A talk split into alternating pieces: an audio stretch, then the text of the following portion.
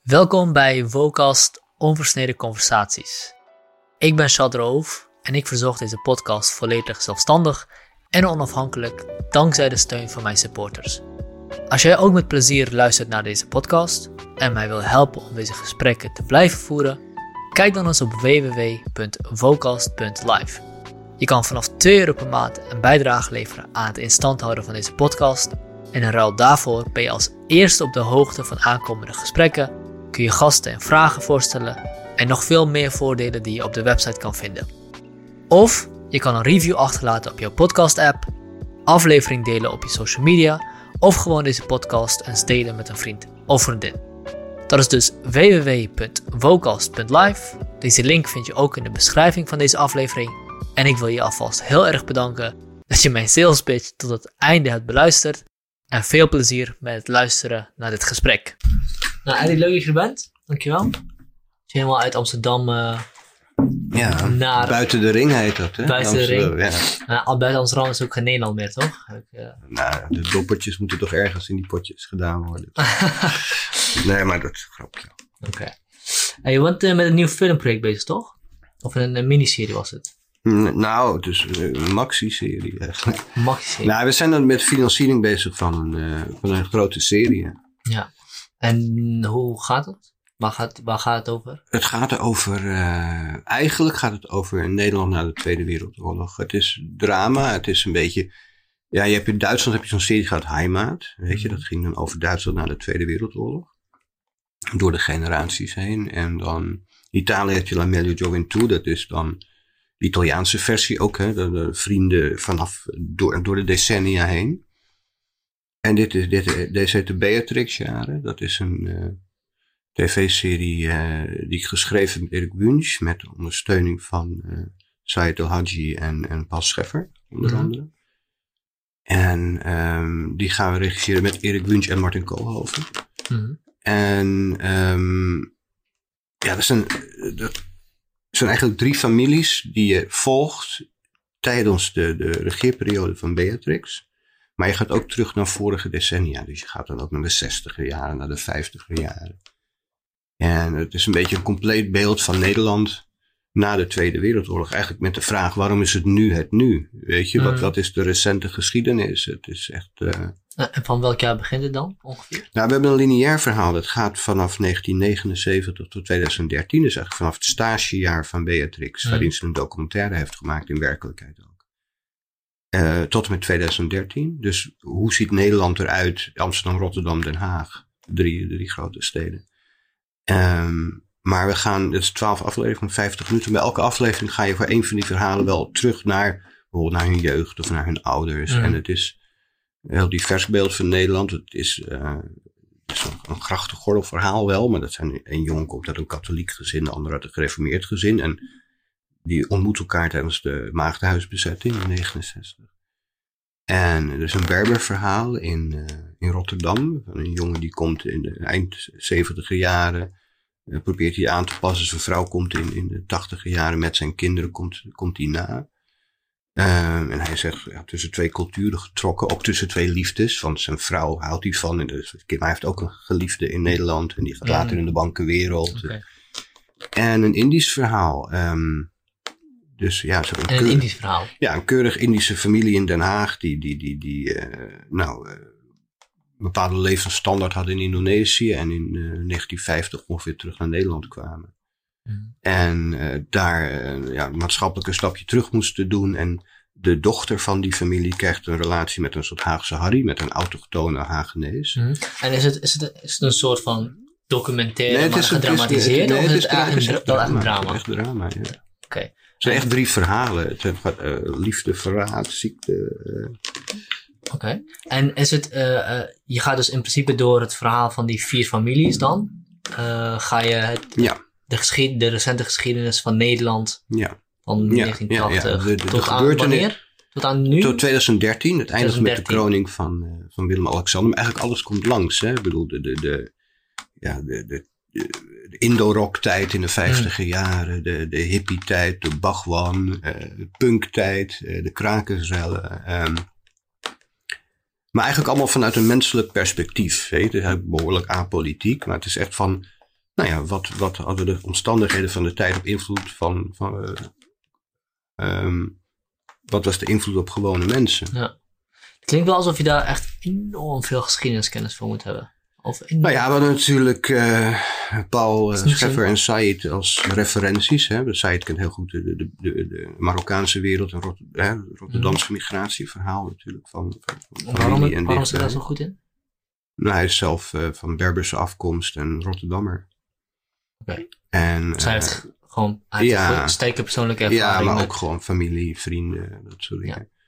Ehm, Paul Scheffer is natuurlijk ook iemand die, die historisch erg onderlegd is, ook de sociaal-maatschappelijke geschiedenis van Nederland. En wij hebben dat een dramatische wending gegeven, personages bedacht en eh, vaak geënt op echte personages of, of niet, of half, of een combinatie Ja, van ja, ja. personages. Het is toch een mengelmoes van... Ja, ja, het is weet je, een beetje. Nou, een beetje als voorbeeld toen, bijvoorbeeld toen ik Simon maakte, dat je ook probeert een toegankelijk verhaal te maken met, met, met, met herkenbare, leuke mensen die, nou ja, maar wel de ondertoon of de, de, de setting is wel serieus. Ja. Het is echt ook een beetje een eh, nostalgie, weet je, time machine cinema ook, Ja. want het moet echt, eh, ja, dan moet je weer de, de, de, een scène in 1970 in Rotterdam, het Kralingse Bos Festival, een groot hippiefestival die tijd. Nou, dat moet je allemaal gedeeltelijk met postproductie, dus met, met special effects, moet je dat in die tijd terugkrijgen. Dus het is nogal, het is nogal duur en het is nogal groot. En eh, ja, het was ook een jaar schrijven en research. En nu zijn we al iets van acht maanden bezig, of tien maanden inmiddels al met financiering. Ja, We denken wel dat het gaat lukken op de een of andere manier. Oké. Maar het is wel lastig. Maar het is, het is al geschreven, het script ligt er in principe Ja. al, maar Ja. je moet nu eigenlijk nog financiering Ja, van krijgen. Ja, nou een deel van de financiering is er. We zijn halverwege. En vaak is het als de eerste muntjes in de pet zitten, zoals ze dat dan zeggen, dan, dan, dan is de rest ook makkelijker. Ja, precies. Als je al iets binnen hebt, Ja. dan eh, komt de rest wel makkelijker binnen. Oké. Klinkt leuk. Wanneer denk je dat het eh, zichtbaar wordt? Oeh. Nou, als we in februari het geld bij elkaar hebben, want dat kost nogal wat tijd, ehm, dan hebben we toch zeker iets van acht maanden voorbereiding nodig. Want je moet echt alles. Nou, met, special effects moet je heel opportunistisch zijn. Een stuk eh, ga, je ga je bouwen of dat ga je met art direction maken. Ja. Zoals het in die tijd was, bijvoorbeeld in wat ik, wat 82 of zo. Een deel moet je bijvoorbeeld met, met foto's doen, oud foto of met archiefmateriaal. Een deel moet je met graphics doen, moet je tekenen. Hmm.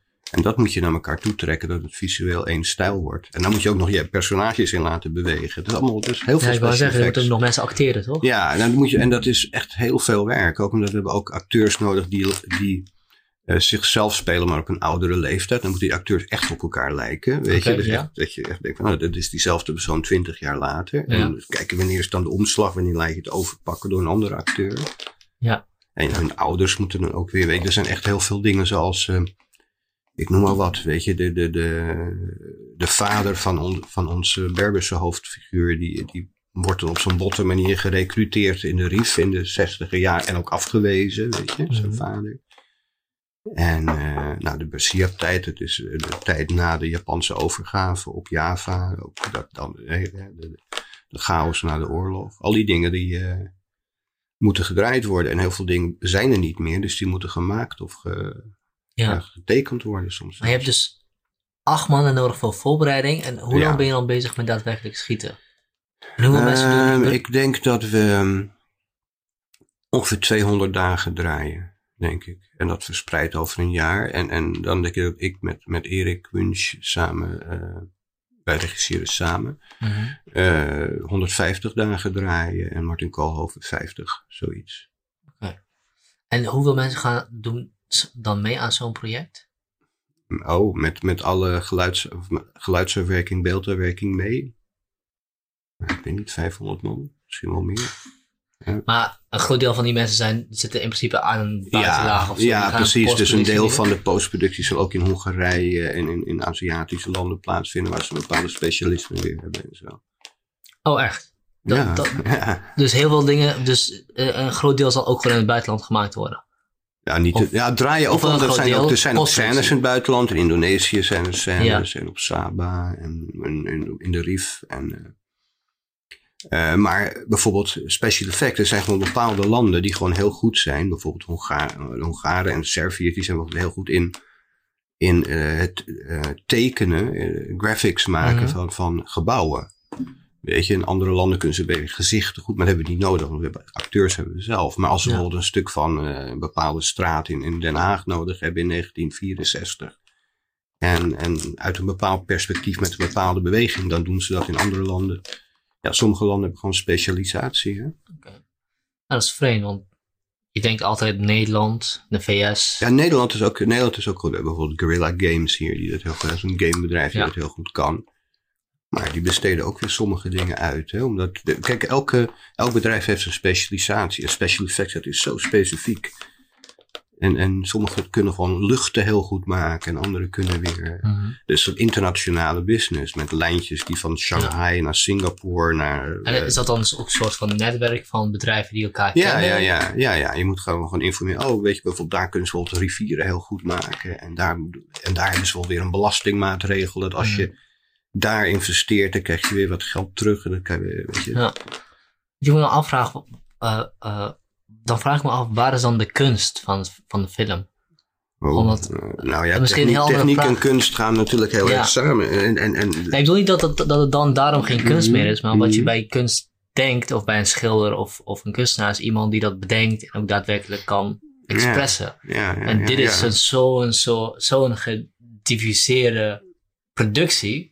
Ik wil afvragen, je, wa- wie, Ja, ja dat, dat- is ook eh, bijzonder. Kijk, maar kunst is natuurlijk altijd voor een deel techniek. Hè? Of je Mhm. schildert, is het ook techniek voor een deel. En, en muziek ook. En, en kijk, Erik en ik zijn wel degene die het, die eh, het bedacht hebben, die het overzicht moeten houden. En die eh, moeten zorgen dat het verhaal zo verteld wordt Ja. als wij het willen.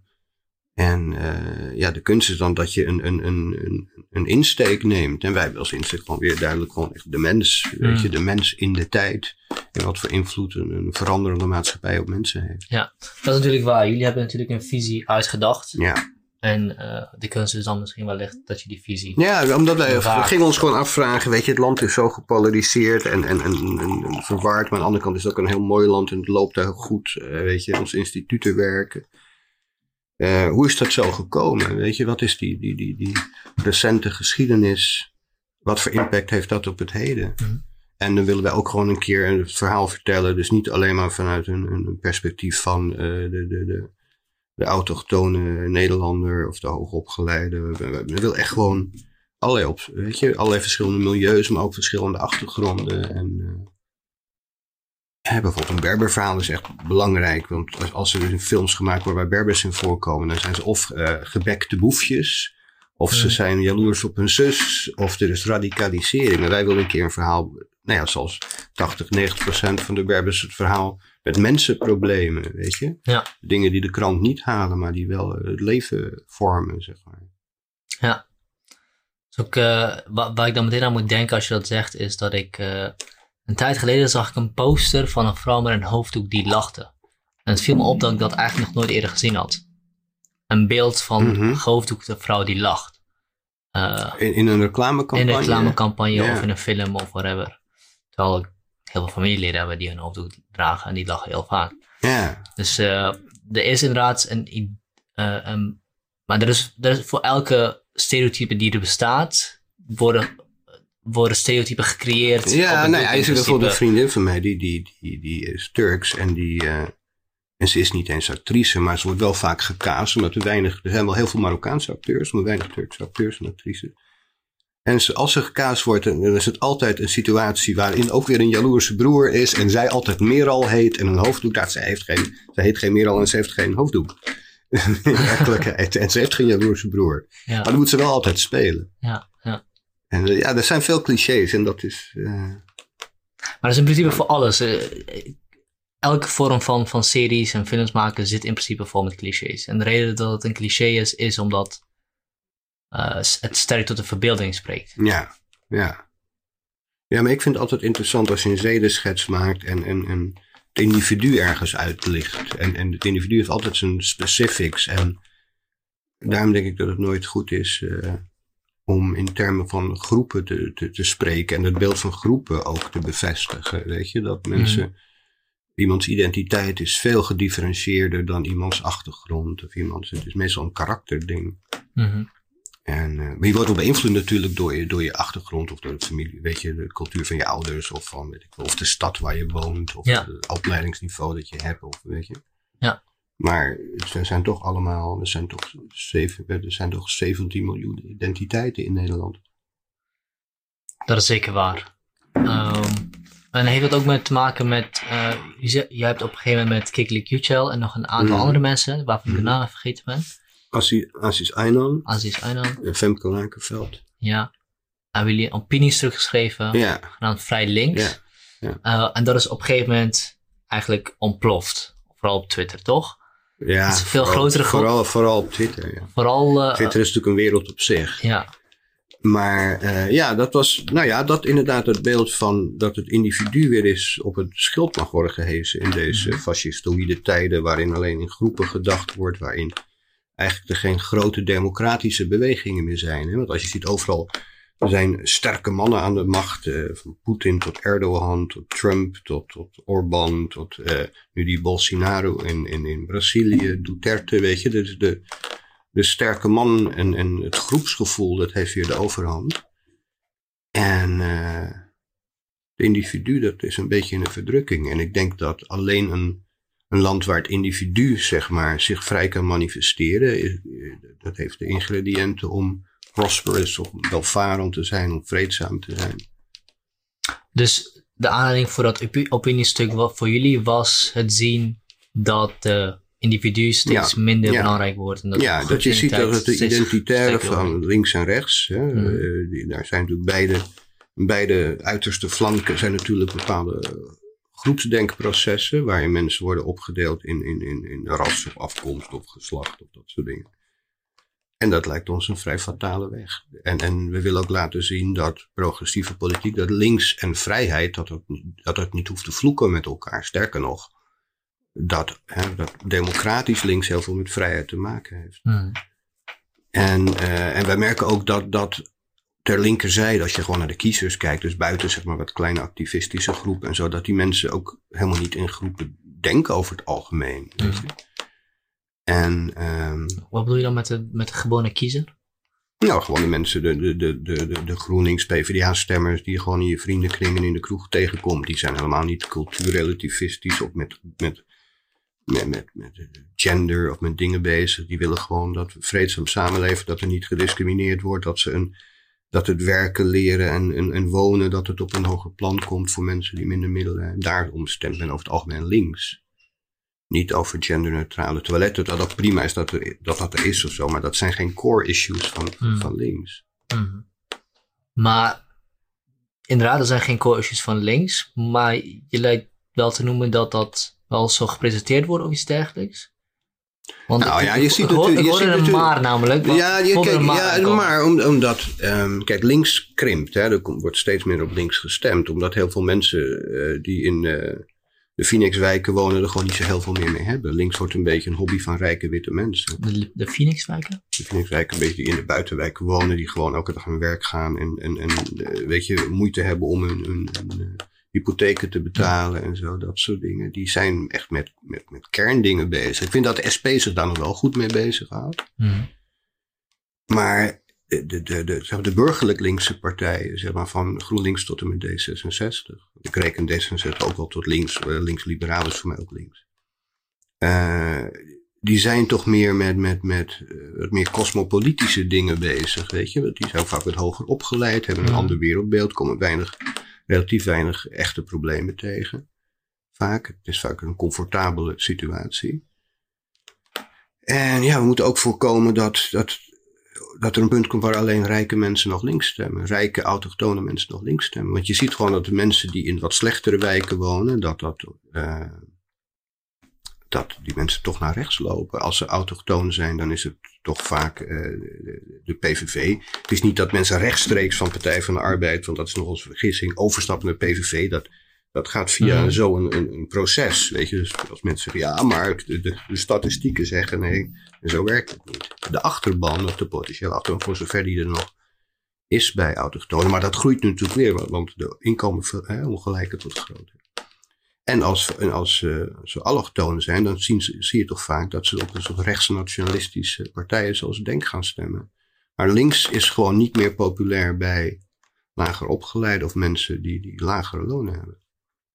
En, en dat moet veranderen, omdat ik denk links is toch wel, hè, als je toch een, een soort land hebt waar je, waar je toch een beetje egalitair qua, qua inkomens moet zijn, heeft links toch een heel belangrijke rol daar te spelen. En je zou zeggen dat, dat de reden waarom links steeds minder populair wordt bij de lager opgeleiden, bij mhm. degenen die het moeilijker hebben, mhm. terwijl eigenlijk links traditioneel degene is die, die voor die groepen zou moeten opkomen, is omdat zij zich steeds meer bezig gaan houden met zaken zoals. Ja, niet alleen daarom natuurlijk. Maar dat is wel een beeld wat in de media wordt gepraat alsof links zich afzakelijk met dat soort dingen, met naambordjes en zo bezighoudt. Mm. Omdat natuurlijk mensen toch in de activistische hoek vaak meer contact hebben met de media, op de universiteiten zitten, meer columns hebben.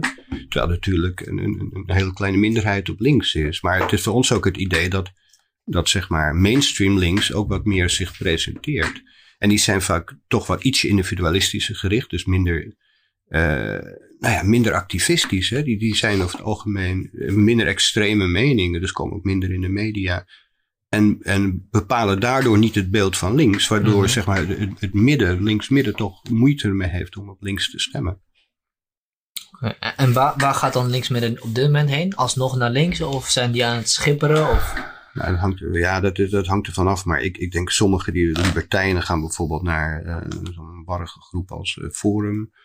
Um, nou, de VVD is natuurlijk groot en zo, omdat er toch ook een partij is die zich blijkbaar alles kan permitteren. Hoe vaak ze zich ook vergalopperen, omdat ze toch een soort optimisme uitstralen. En ze ja. niks aan de hand uh, dingen, weet je. En als het midden blijkt zich ook toch veel rondom de VVD te scharen. Ja. Maar weet je, het is natuurlijk niet alleen maar door identity politics en dat soort dingen. Het is ook gewoon links heeft natuurlijk op sociaal-economisch gebied ook nogal wat laten lopen. Hè? De privatisering van dingen. Mensen willen gewoon in de zorg niet per se een, een een consument zijn, maar gewoon ook wel eens een patiënt zijn of een burger zijn die gewoon makkelijk ergens aan kan kloppen en niet eh, via een soort, soort, uh, soort doolhof van, van loketten en een internetsite moeten proberen om nog enigszins uh, tot, tot redelijke zorg te komen. Nou, ik zou niet zeggen, het lijkt mij niet dat GroenLinks of PvdA daar ook voor zou zijn. Lijkt mij juist. In welke zin? Dat ze waar niet... ik, ik, ik heb het idee dat GroenLinks ook de zorg niet wil uh, als een soort van Nee, maar nou, je ziet gelukkig wel, en met name bij, bij, bij, bij GroenLinks de laatste tijd, dat, dat, ze, dat, uh, uh, dat ze zich wel verder, dat, dat ze de markt als, als, als, als roofdier toch iets meer gaan afwijzen. Want, want GroenLinks ging net als Partij van de Arbeid ook in het neoliberalisme toch mee, hè, die derde wegachtige invloeden. En je ziet onder Klaver dat ze wel serieus nu weer uh, links op dat soort sociaal-economisch stemmen. Hoewel over het algemeen mensen die links stemmen uh, toch over het algemeen wel gesteld zijn. Mm -hmm. ja, zeker de mensen die het gezicht bepalen of de, de, de in, in de cultuurcentra. Mm -hmm. Um, maar dat, dat is een goede ontwikkeling op zich. Die, dus die gaan zich wat SP-achtiger gedragen op die punten. Ja.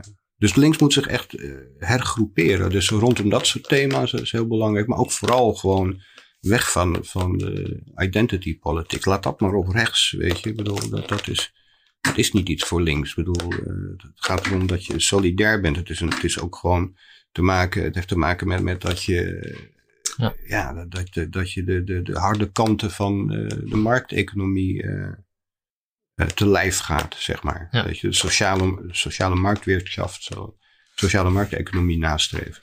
Misschien moeten we het inderdaad ook wel even over de identiteitspolitiek mhm. hebben. Uh, want het is vooral iets wat uit de VS komt overwaaien. Daar is het een stuk sterker.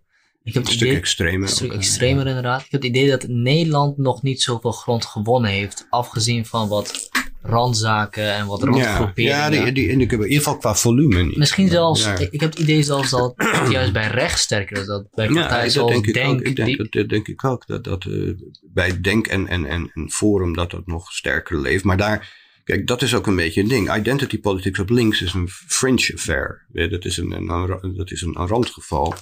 Of een, een, marginaal iets. Maar op rechts, bij, bij Denk en bij Forum is het echt een, een core business, zeg maar. En daarom moet links ook. Maar het is wel juist. Ik denk wel, bij, bij Denk wel een stuk sterker dan. Ik weet niet, ik weet niet of je. Nou, bij Forum ook. Dus toch een soort, soort, nou, zo'n romantisch nationalisme, toch? Zeker. Dat, dat, dat nationalisme ja. zie je heel sterk terug. En dat, en dat is ook identity politics. Um, En bovendien, als je dus zeg maar per se uh, als links die strijd op identiteit, gewoon tactisch, moreel is het sowieso niet juist, maar ook tactisch is het, je moet rechts niet uitdenken, uitdagen op identity, want ze hebben veel sterkere kaarten. Forum en Denk hebben veel sterkere kaarten qua identity. Maar, uh, dat moet je even uitleggen. Nou, omdat het bij hun uh, Forum en, en, en PVV pretenderen zeg, de Nederlandse cultuur, whatever, de, nou ja, niet whatever ja. het is, de Nederlandse cultuur te beschermen. Hè, dat is mm. duidelijk een, groepsdenk ding. Nou, Denk heeft heel erg die, die link. Het, ik bedoel, het is niet direct de, de lange arm van Erdogan. Het is licht gecompliceerder dan dat. Maar het is wel heel erg bloed ontboden. Hè? Het is echt de groep als, uh, qua afkomst. dus die kaart hebben zij veel harder te spelen dan links. Als je, dat, als je ze daarop uitdaagt op identity, dan sloopt, uh, dan sloopt rechts je helemaal. En dan blijft er niets over van links. Dus dat, links moet weer zich hoofdzakelijk bezighouden met dingen die... Nou, links lijkt zelfs, lijkt zelfs enigszins um, uh, het idee van nationaliteit als identiteit. Mm -hmm. Of een nationale mm -hmm. identiteit te willen, te willen afwijzen. Nou ja, ik vind, want, ik vind want, nationale identiteit natuurlijk niet slecht. Want bedoel, dat, dat zegt Zinni Usdil ook uh, van GroenLinks. Die zegt ook, je een soort uh, non-etnisch patriotisme gewoon wel gaan staan voor de vrijheden die we allemaal met z'n, met z'n allen, van welke afkomst ook, in ons schoot geworpen krijgen daar tot iets verbindends te komen. Maar en, en daar is inderdaad een, een soort trots, of trots niet, want trots is onze, want wij hebben die bedacht. Weet, onze voorouders hebben dat voor ons uh, gerealiseerd. Uh, maar, maar dat omarmen, maar dat omarmen met ja. z'n allen, weet je, burgerschap. Ja. En, um, en dus helemaal niet dan in etnische lijnen gaan denken, want daar, ja, de rattenvangers, uh, de rechterzijde en, en extreem linkerzijde, die, die, die, die profiteren daarvan. Mm. En, en, en, en uh, daar wordt het, het, ah, het, land, het land door. Ja, weet je, voor, als je dat toch over nation building hebt, wat wel belangrijk is, denk ik, dat er een saamhorigheidsgevoel is. -hmm. Dat, dat er een depolarisatie plaatsvindt. Nou, mm. dat betekent toch dat, dat democratisch links en democratisch rechts zich daar elkaar wel moeten gaan vinden, ja. denk ik. En dan denk ik, even om de advocaat van de duivel te spelen, ik denk dat zowel Forum als GroenLinks mm -hmm dit verhaal wat jij nu vertelt zouden willen claimen. Ja, voor een, links, deel, een deel daarvan natuurlijk. Ja, een deel voor, links is het, in... is het, voor GroenLinks is het, is het zo inderdaad. We hebben heel veel mm. verbovenheden. Daar moeten we ja. verantwoordelijkheid van voelen. Uh, maar het feit alleen maar dat iemand hier geboren is. Of dat iemand hier mm. met de grens, uh, de grens oversteekt. Mm. Uh, wil niet zeggen dat de een of de ander meer recht daarop nee, heeft. Uiteraard niet. En Forum zegt dit heel erg uitgesproken zelfs. Um, als wij mensen blijven binnenhalen hier die die morele of uh, mo dat moraal niet hebben, zal dat gaan verwateren. Dus beide willen twee verschillende ja, dingen goed, doen. Dat is natuurlijk, hebben ze natuurlijk ook wel een punt, daar gaat het niet om. Maar er zit bij hun toch een soort fatalisme, cynisme, met, uh, een beetje omkleed met complottheorieën en dat soort dingen. dat dat de bedoeling is en dat de migratie vanuit buitenaf wordt gestuurd en dat soort dingen. Dat het ook on onzin is. Er zijn natuurlijk wel gedachten daarover door sommigen, maar ook in uh, zowel nationaal als in de EU zijn er zoveel verschillende gedachten over. Er is eerder een soort verwarring van wat men met de nieuwe tijden aan moet, dan dat er een Big Brother is die dat stuurt. Mm -hmm. Dan, dan, dan, van de week ook weer met, met de, ja, traktaat van Marrakesh of zo. Dat, dat dan, daar wordt dan ook weer van gezegd dat dat een, een soort juridisch bindend iets is. En dat uh, de Big Brother ons, zeg maar, uh, de, de, de omvolking inluistert. Ik weet en dat is het gaat. Nou ja, de, dan zou er dus een, een, een, een contract moeten worden getekend in Marrakesh, waarin een, een, dat zeer migratie vriendelijk zou zijn, om het maar mm -hmm. zo te zeggen. Maar er wordt dan de suggestie gewekt alsof dat een soort bindend, bindend iets is, waar zeg maar alle nationale en, en, en, Europese autoriteiten zich aan zouden moeten gaan houden. En dat is natuurlijk niet zo. Wat wel zo is, is dat dat gewoon, ja, er is gewoon, er is natuurlijk enorme migratielust natuurlijk van, mm -hmm. van mensen van altijd van rijke naar arme gebieden. En het is wel zinnig om erover na te denken, wat is de rek van een verzorgingsstaat. Het zou onverstandig zijn uh, om daar niet serieus over na te denken. Waarom zou je over alle planologie serieus nadenken, behalve over deze, omdat er een topoer op rust? Ik denk, ja, in, in, in vooruitplannen moet je natuurlijk. Uh, ja. Ik denk niet dat er 30 miljoen mensen in uh, eind van deze eeuw hier kunnen gaan. Ik weet niet hoeveel, weet je wat, wat de aantallen zijn, maar. 22, 24 miljoen aan te berekenen. Ja, ja, nou ja, goed. Paul Scheffer zou ook zeggen van een krimp is ook niet wenselijk. Hè? Want er is natuurlijk wel zoiets als vergrijzing. Maar hoe ga je dat opvatten, opvangen? En, en als er ah, dus mensen met verschillende waar de krimp plaatsvindt, als, ik, als de krimping op de, op de hoogste uh, leeftijdsjaren plaatsvindt, dan is het ja. denk ik niet zo'n probleem. Ja, nee, dan is het geen probleem. En bovendien ook met, met robotisering. Uh, kijk, er zijn zoveel componenten die meespelen. En op een 70 jaren manier naar deze problematiek te kijken. Als je gaat, er is vergrijzing, dus we hebben meer mensen nodig die meer kinderen hebben. Dat is natuurlijk veel te, simpel gesteld. Hmm. De wereld is, is, veel complexer dan ook. Ja, ja. En, en ik ben het zeker niet met Forum eens in hoe zij, hoe zij hun uh, verhaal uh, weergeven. Ik denk dat daar mhm. veel problemen aan zitten. Ja. En dus de vraag, de vraag hoe rekbaar is de verzorgingsstaat? Ja, ik denk wel ja dat is, een, maar dat is een zinnige vraag. Dus uh, ik bedoel, zij zijn wel, werken wel als een koevoet en, en, en stellen een aantal belangrijke dingen aan de orde. Hè, dat, dat moet je ze zeker meegeven. En een deel van de forumkiezers zullen ook gewoon libertijnse mensen zijn die, die, die gewoon de civiele samenleving overeind willen houden. Alleen ze moeten inderdaad heel voorzichtig zijn met waar ze zich allemaal mee associëren. En, en, en dat, dat baart mij wel zorgen, ja. Oké. Uh, en er is een enorme reactie. Uh, even terug naar het, uh, mm naar de opiniestuk. Want jullie hadden het eigenlijk geschreven als een opiniestuk. En dan kwam, kwam identiteitspolitiek naar voren. Dan kwam de ja. individuen naar voren. Ja, het, was eigenlijk, het zou eigenlijk een essay worden voor, mm voor de Volkskrant. En we hadden nog uh, Erdo Baltje, deed ook mee aanvankelijk. Mm. En... Um, als je een kleine samenvatting kon... Kleine samenvatting is eigenlijk... Uh, nou, aanvankelijk was het een, een, een, een, uh, een essay over hoe links zich zou kunnen herstellen. Met de mhm. focus enerzijds op sociaal-economisch, anderzijds sociaal-cultureel was 1800 woorden, tot op een gegeven moment zei... Uh, en zichzelf kon herstellen op het politiek platform of moreel? Uh, moreel, tactisch, okay. op al die punten, zeg maar. Dus gewoon zichzelf weer kon, kon ontdekken. Um, alleen op een gegeven moment was, zou het 1800 woorden zijn. En dan hadden we de keuze, gaan we allebei de thema's kleiner maken, waardoor we niet heel compleet zijn. Sociaal, economisch, sociaal, cultureel. We hebben besloten om in dit stadium het sociaal-culturele element te benadrukken van verheffing. Hè? Dus, mhm. dus uh, hoe kan je zeg maar, door een opener maatschappij, een opener debat met meer informatie bij onderwijs, niet minder. Mm um, dat je, nou ja, ook zeg maar mensen in, in, in, in de wat minder welgestelde wijken gewoon uh, de kans geeft, meer de kans op de belemmeringen weghaalt, zodat mensen gewoon geïnformeerdere en completere burgers worden. Dus bijvoorbeeld door, uh, uh, ja, we hebben dan gesteld dat bijvoorbeeld dat, dat uh, bij vrijheid van onderwijs, dat je moet gaan kijken, gaat het niet om de vrijheid van onderwijs van het kind, in plaats van de ouders. Um, bijvoorbeeld door alleen maar openbaar onderwijs te doen. Dat is natuurlijk geen doel op zich. Het zou hoogstens een ultiem middel zijn. Als je dat kan doen binnen de situatie waarin bijzonder onderwijs bestaat. Dat je gewoon meer burgerschapslessen dat je kinderen zeg maar introduceert bij niet alleen bij de religie van hun ouders, maar ook die van de buurman en van de overbuurman of het humanisme van, van de man die boven hen woont. Weet je? Dat ze geïnformeerdere, uh, meer geïnformeerde en uh, burgers zijn.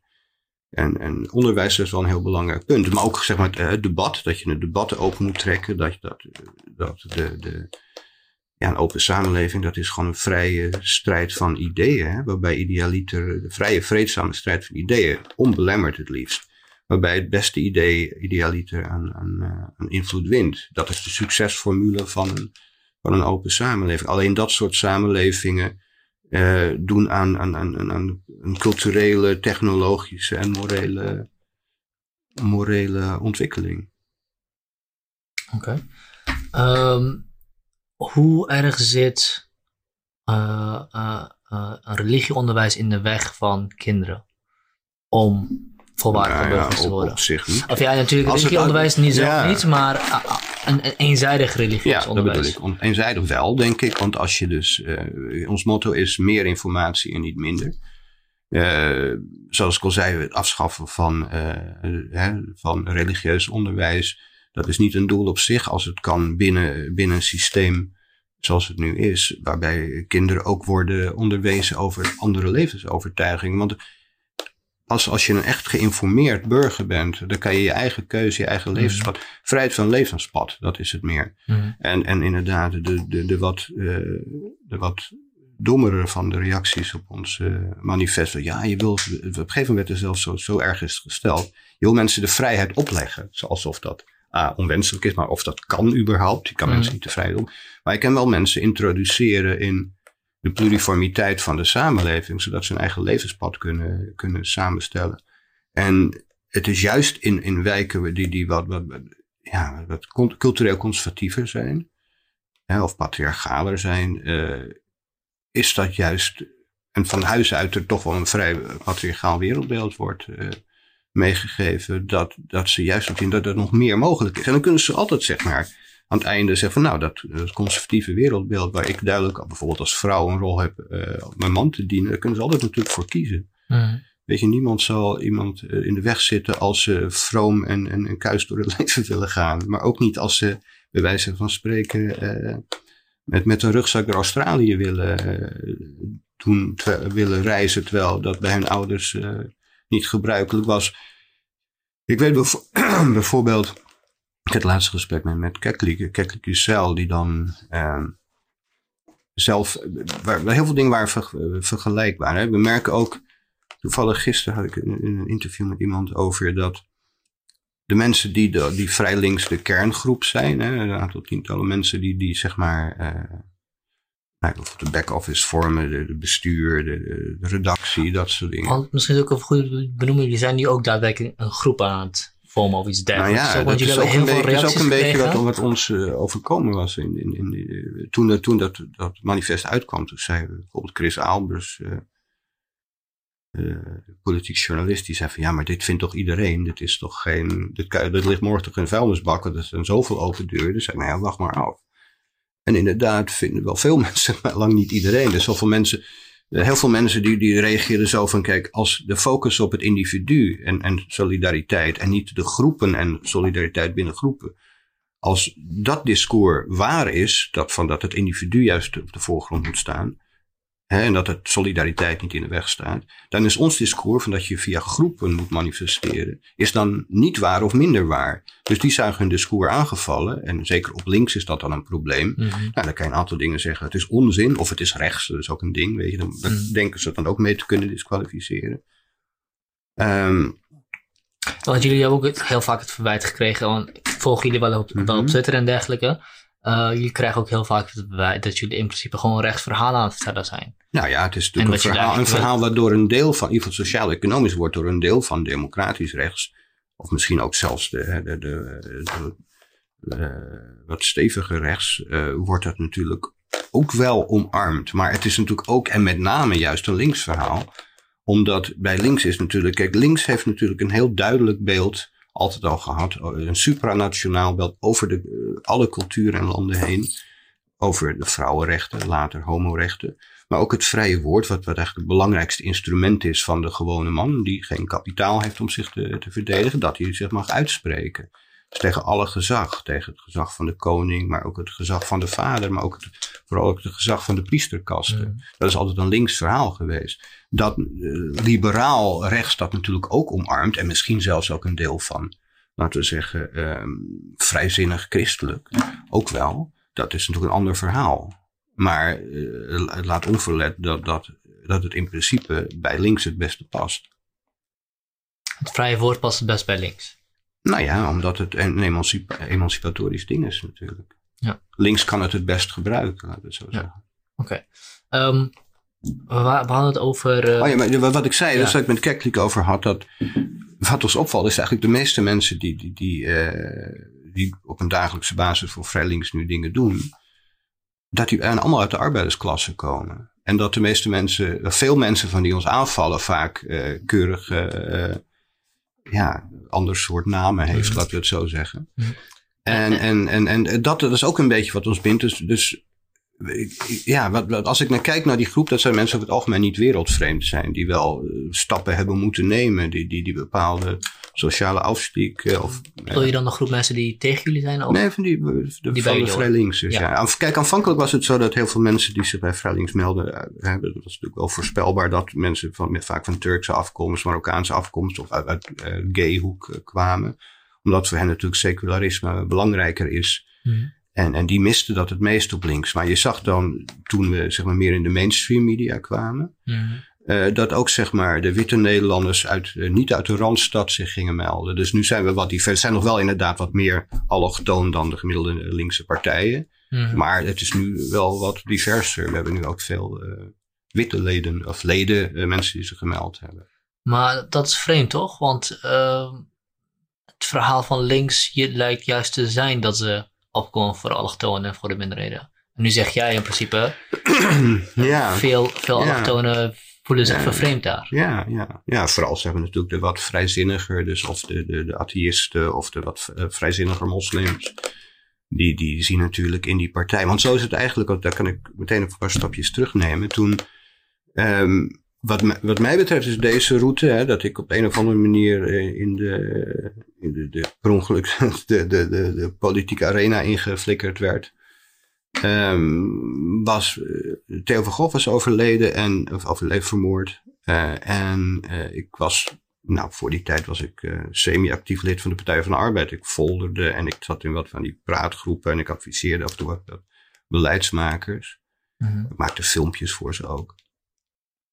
En toen kwam ik op een gegeven moment, eh, toen Theo vermoord was, in het debat terecht. En dan zei ik bepaalde dingen die, die dan nogal seculier waren. En eh, vanaf dat moment werd ik heel veel benaderd door partijleden van Turkse en Marokkaanse komaf met name. Die, die ook seculier waren of, eh, of, of atheïstisch of seculiere moslims. En die zeiden van ja, dit verhaal wordt van ja, op links te weinig verteld. Hè. En wat, wat, wat Het verhaal zeg maar dat, je, dat het meer gaat om het individu, dat, het, dat, Ja. dat eh, godsdienst ook maar een mening is en, en dat, eh, dat het vrije woord belangrijk is. En, en dat je dus ook religieus gezag moet kunnen aanvallen. Niet alleen maar wereldlijk gezag of niet alleen maar christelijk gezag. Dat die verbaal zeg maar tot de orde geroepen moet worden of bevraagd kunnen worden. Mhm. En ehm, toen ben ik met Marcel Duivenstein, een ander PvdA-lid, zijn we een, website begonnen, Liefdevol Lid. En, en nou, vanaf dat moment ik steeds meer, kregen we een soort ombudsmanfunctie voor Turkse en Marokkaanse PvdA'ers. Die steeds aan ons toe kwamen en zeiden van, maar waarvoor is in de top van de partij, waarom krijgen alleen maar eh rechtse, nationalistische of, of, of religieuze groepen toegang tot die partij? En zeker op gemeentelijk niveau, waarom zijn juist zij het die, die het beleid mede vormgeven en niet de linkse geestverwanten van de partij, zoals wij. Waarom worden wij als lastig gezien? Waarom worden wij bij, verkiezen, bij kiescommissies altijd door een of andere eh, AK-partijfiguur of figuur altijd meteen terzijde geschoven? Waarom mogen linkse Turken en Marokkanen niet meepraten?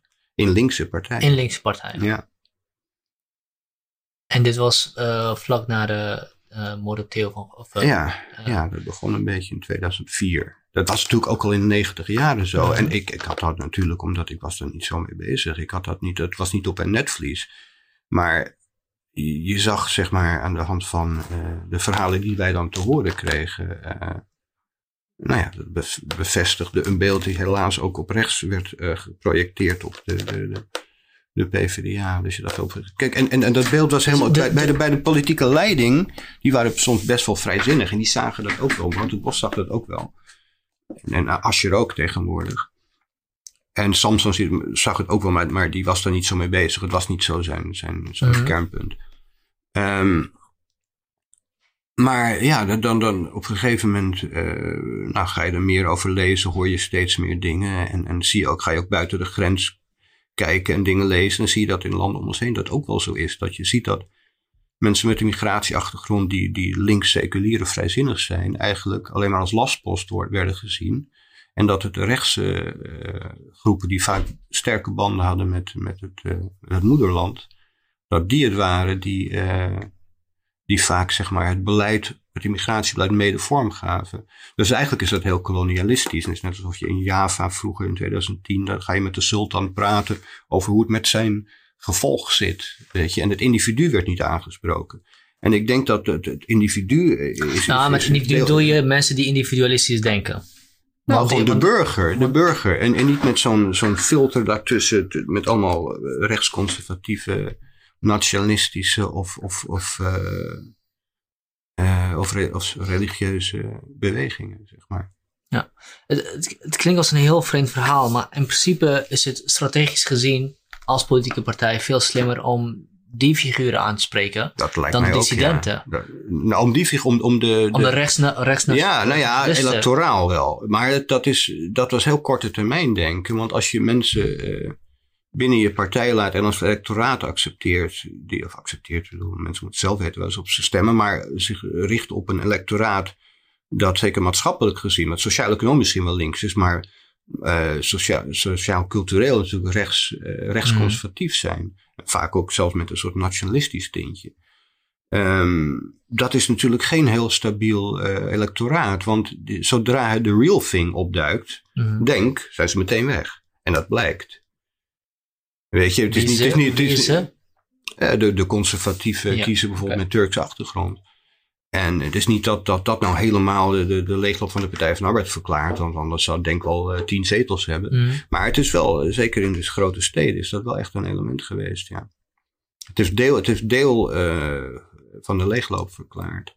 En ik denk als je nou eerder zeg maar de, de, de, de, de, de, links, linksliberalen of de, de, de progressieve mensen uit die gemeenschap had gesteund en die het beleid mede had laten vormgeven dan had denk ik ook de Partij van de Arbeid zich veel minder van de autochtone achterban vervreemd. En dan had je ook echt gewoon veel meer kunnen opzetten om nou ja, bijvoorbeeld het onderwijs, dat soort dingen, om, om, om de vrijheid, de, de alle wijken in te blazen en niet alleen maar de grachtengordel. Mm -hmm. Het, het, uh, het is enigszins paradoxaal, want het verhaal wat je beschrijft is het verhaal van, van linkse progressieve partijen mm -hmm. die uh, meer een stem geven aan mensen die uh, rechtsconservatisten ja, zijn. Zeker in de moederlanden in als, als rechts zouden worden gezien. Hè? Dus, dus laten we zeggen, de tegenstanders van hun geestverwanten die bijvoorbeeld in Noord-Afrika of in Turkije of, of, of in Iran, uh, die hun geestverwanten zouden zijn, met, met, die dezelfde ideologie hebben als die linkse partijen. En die in de moederlanden zelf ook gewoon de rechtse tegenstanders daarvan zijn. Hmm. Exponenten daarvan, daar werd naar geluisterd. Ja. En niet naar de geestverwanten, zeg maar. Omdat natuurlijk die veel meer hun, hun, hun, hun uh, hun wachtposten in die partijen hadden natuurlijk. Dat hebben ze heel slim gespeeld. Ja, ja. alleen je natuurlijk wel gelijk dat het uiteindelijk... Uh, uiteindelijk werkte het natuurlijk niet, want inderdaad, ik was laatst op het PvdA-congres. Nou, iedereen was oud, wit en man, zo'n beetje. Dat was heel stoffig. Ja, en dat, dat, ja, vroeg had je, weet je wat, wat het leuk was van de Partij van de Arbeid, anders dan bijvoorbeeld bij GroenLinks en D66 er werd ook, er werd niet alleen maar over uh, allochtonen gepraat. Want die waren er ook zelf. En die zijn er dus nu zo goed als niet meer. Hmm. Maar zijn die dan naar uh, Denk? Zijn die naar GroenLinks? Zijn die naar, nou, ja, nou, ik hoor wel dat, dat, dat veel, laten we zeggen, wat, wat rechtsige groepen die in de Partij van de Arbeid zich niet meer thuis voelen of betrapt voelen, dat die ook bij GroenLinks nu wel proberen, zeg maar, voet aan de grond te krijgen. Goed, D66 ook. Hmm. Dus die, moet, die partij moet ook een beetje uitkijken. Dat die partijen wel links blijven op dat punt. Ja. Um, jullie hebben ook heel, heel veel verwijt gekregen dat uh, je eigenlijk tegen de vrijheid van godsdienst bent. Uh, ja, maar dat is natuurlijk onzin. Want um, de vrijheid van godsdienst is gewoon super belangrijk. Maar de hele vrijheid van. Ja, dat is een Omdat jullie, ja. omdat in het artikel ook staat ja. uh, dat um, uh, de vrijheid van godsdienst mm -hmm. uh, binnen, de, binnen de grondwet ja, zou moeten verdwijnen. ja, maar dat staat er niet. Maar dat is een. een, een wat, er, wat er staat is dat het als apart vermeld iets. Kijk, godsdienst is een levensovertuiging. Godsdienst is een levensovertuiging. Op het moment dat je godsdienst meer of minder rechten gaat toekennen dan andere levensovertuigingen, mm. dan zit je scheef. Dus wij zijn er heel erg voor om het heel erg naar artikel 1 te verschuiven. Hè? Dus zeg maar de, de, de, dat je gevrijwaard wordt van discriminatie. Mm. Um, want discriminatie is gewoon mensen uh, in gelijke situaties anders behandelen op basis van in die situatie niet uh, ter zake doen de criteria zoals geloof, ras, et cetera. Mm. Dat is, artikel 1 moet je heel erg versterken. Maar dat duidelijk het onderscheid maken tussen, laten we zeggen, een mythisch wereldbeeld hè, en een, een, een, meer profaan wereldbeeld. Ja, dat, dat suggereert al dat er andere waarden aan wordt toegekend. En dat, dat kan niet in een civil society. Je mag nooit zorgen dat, dat een, een religieus uh, denkbeeld, of een, of een, voor zover natuurlijk binnen de civiele wet, of een profaan wereldbeeld, dat die anders worden beoordeeld voor de, voor de wet. En dat suggereer je door dus, zeg maar, dat je religie en levensovertuiging. En religie is gewoon een levensovertuiging. Mm. Dat is humanisme. Dat is bijvoorbeeld. Atheïsme bijvoorbeeld is geen levensovertuiging. Dat is gewoon een inschatting over. Een van de levensvragen is God of niet? Uh, nee. Dat is een inschatting. Dat is nog geen levensovertuiging. Mhm. Atheïsme is vaak een bouwsteen van een bredere levensovertuiging. Mhm. Eh, en is het, is het nu ook een probleem in de praktijk dat mensen met een religie voordelen krijgen? Of nou ja, bijvoorbeeld in, we hebben- belastingtechnisch en, en dat soort dingen. Maar het, is toch ook heel erg dat als je bijvoorbeeld zegt van eh, kritiek hebt op iets, hè, op een religieus gebruik of een, een, een, een, een eh, religieuze gedachtegang, dat mensen zeggen van ja, maar het is een diep gevoelde overtuiging. Maar voor sommige mensen is het socialisme meer diep vertuigd of de, ze fan zijn van Feyenoord. Weet je? Ik bedoel, het, he- het heeft in ieder geval de implicatie dat je het anders noemt. Mhm. Eh, dat geeft al aan dat je het ook anders beoordeelt. En je wil dus niet dat het anders beoordeeld wordt. Dat elk gedrag, elke handeling, elke uitspraak door de wet kan worden getoetst op moraliteit. Op eh, moraliteit heeft met de wet niks mee te maken, maar op of, of iets eh, nou ja, gevaarlijk is voor derden. Of, of, of, of weet je, en, en dat. ehm, Maar eh, wacht, eh, even, eh, een diep gevoelde levensovertuiging. Religie gaat wel iets verder dan alleen maar een overtuiging. Het is Ja. ook een voor, de, voor, de, organisatie. voor, voor het individu wel. Je mag je natuurlijk organiseren. Er is natuurlijk vrijheid van vergadering. En vrijheid van, een vrijheid van gebedsdienst. Het, Ja. het, is een, het, is, het is een manier om je eigen je individuele leven ja, te over ja, maar dat, is- dat, is veganisme ook in een zekere zin. Weet je, je kan daar geen onderscheid in. Je moet, ten alle tijden moet je voorkomen dat mensen meer of minder recht krijgen op basis dat hun levensovertuiging religie wordt genoemd Mhm. Of een andere levensovertuiging. Dat is echt precies hetzelfde. En secularisme is het, is het. Kijk, voor de persoon natuurlijk niet. Mensen die religieus, waar God een rol speelt in hun leven, is in hun persoonlijke leven natuurlijk zo bepalend Mhm. dat ze zich niet kunnen voorstellen dat er iets anders is. Maar voor anderen kan, kunnen ze zich niet voorstellen dat er wel een leven na de dood is. En dat je, Mhm. dat je moet rekening moet houden dat, eh, dat je bestraft wordt hè, voor je, je Mhm. aardse gedrag. Maar goed, natuurlijk voor de individuele persoon is het zo. En daarom is het ook zo belangrijk dat het als individuele beleidenis alle bescherming geniet. Natuurlijk. Mhm. Ja, Ik bedoel, secularisme is juist de, de ideale methode om, eh, om- godsdienst juist te, te, godsdienstvrijheid te garanderen. Secularisme Zodat, zodat, staat. zodat je, ja, nou ja, als scheidsrechter, weet, zodat je er ook voor kan zorgen dat het ene religie nooit de ander zal overheersen. Want als je iets hebt geleerd van de geschiedenis, dan is in de meeste gevallen zal de dominante religie, hè, op het moment dat het een theocratie is, de, de, de minder rechten toekennen aan andere. Lang niet altijd, maar, heel, maar dat gevaar is er natuurlijk wel. Terwijl als je op het moment dat je een level playing field hebt, je een seculiere staat hebt, eh, dan, dan kun je er ook voor zorgen dat religie A en religie B niet eh eh schoffeert. Nou, schoffeert mag wel, maar ik bedoel, eh, bedreigt of, of, Mhm. of onder de knoet houdt. Of dat burger A, burger B zeg maar als minderwaardig niet ziet. Mag best, mensen mag vinden van elkaar als je gelooft of ongeloof. Dat mensen achterlijk zijn, mag je allemaal geloven. Maar niet minderwaardig behandelt en discrimineert. Mhm. En secularisme is daar het, het, het, het, eh, ja, het beste recept voor, denk ik. Ja. Eh, nu, nu is er nog een ander probleem, of een andere uitdaging. Nou, niet echt een probleem, maar ehm, kijk, het wereldbeeld wat jij schetst, zegt in Mhm. principe, het is een heel liberaal wereldbeeld. Ja. Eh, mensen zijn vrij om te doen wat ze willen, Mhm. totdat het de vrijheid van een ander beperkt. Ja, dat lijkt me wel. En eh, Dat, zo richt je een civiele samenleving in. ja, alleen de wereld van een, van een religieus persoon, eh, dat gaat niet alleen maar over zijn of haar eigen Mhm. overtuigingen. Dat, Ja. dat is een wereldbeeld over Ja. de juiste organisatie van de wereld. Ja, in het daarom- algemeen. Ja, dat klopt. Ehm, dus wat je in principe uiteindelijk, wat je voorstelt, is eh, een onderwerping van religieuze denkbeelden aan het secularisme. Is nee, niet, niet in een, nee, niet in een, privé, in een privésfeer, eh, zeker niet. En, en ook voor het deels ook niet in de openbare ruimte. Je mag gewoon je religie mag je uiten. Je mag met elkaar samenkomen. En, en je mag leven naar jouw wereldbeeld over het algemeen. Tenzij het inderdaad, als bij wijze van spreken, eh, als mijn wereldbeeld zou zijn dat, dat ik elke dag. Weet je, nou, als, Ja. als je andere mensen zeg maar eh, echt in de weg zit met jouw wereldbeeld, en dat is pas in een, dat is pas alleen in een zeer extreme situatie zo. Mhm.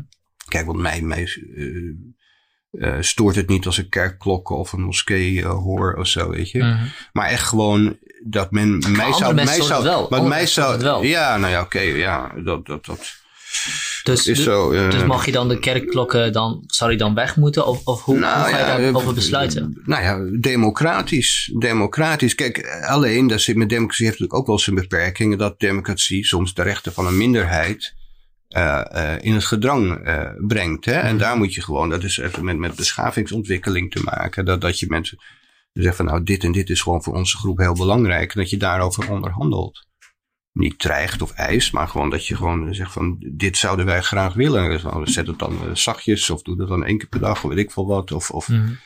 weet je, ik, ik denk dat, dat je niet. Um, um, nou ja, ik denk ook dat je secularisme dat kan je in verschillende gradaties. Hè. Je hebt natuurlijk de heftige variant, zoals de Turks of de Tunesische of de, de, de, de, de Franse variant. Ik denk dat bij Nederland een wat mildere versie zou passen, denk ik. Ook omdat wij die traditie in iets mindere mate hebben dan bijvoorbeeld in Noord-Afrika of in Frankrijk.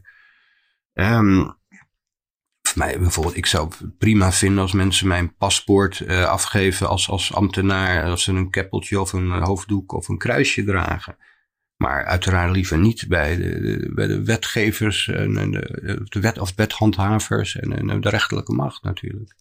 want daar is ook, want daar is ook geen. Uh, nou, om, omdat het ene heeft implicaties over. Dat heeft verregaande implicaties voor degene. In ieder geval in de perceptie van bijvoorbeeld een verdachte of, of iemand die aangifte doet dat de, degene die de aangifte aanneemt of degene die, die, die daar thuis eh, een, een, een, een huwelijksgeschil komt oplossen, hmm. als diegene door zijn uitdossing al heel duidelijk zijn levensovertuiging eh, geeft. Dus dat die persoon niet alleen maar zegt, ik ben een politieagent, dat zie je aan mijn uniform, maar ik ben een politieagent met die levensovertuiging. Hmm. Ik wil ook geen rechter met een PVV-petje of met een Feyenoord-shirt. Hmm.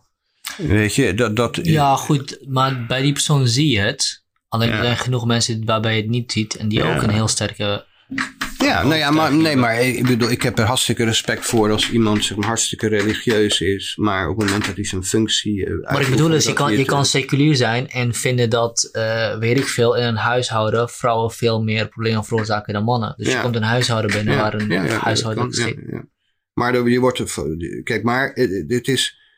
Uh, er zijn sommige dingen echt duidelijk een religieuze, een, een, opvatting van een levensovertuiging. Die mhm. niet noodzakelijkerwijs diegene is van degene met wie je in de maatschappij te maken krijgt. Die je moet beoordelen of die je moet helpen of die je moet inrekenen bijvoorbeeld.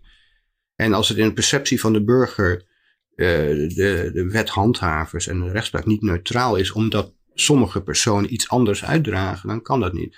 En ik denk dat dat iets wat ook heel breed uh, gedragen wordt in, in, in, in uh, zeker in continentaal Europa. Dat, dat daar weinig uh, draagvlak voor is om dat anders te doen. In Engeland is het trouwens anders, want daar is gewoon een, een hoofddoek van een, een, een sick politieagent of een hoofddoekje. Ja. In de Anglo-Saxische wereld is dat echt anders, maar die hebben echt een andere traditie.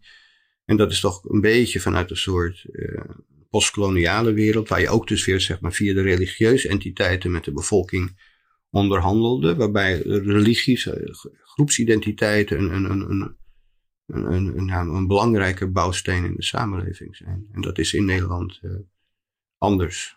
Mag dat eigenlijk niet in Nederland? Ik weet, niet, uh, ik weet niet hoe het zit. Mag je in Nederland als politieagent een kruisen van hoofddoek of... Nee. Nee, hè? Nee.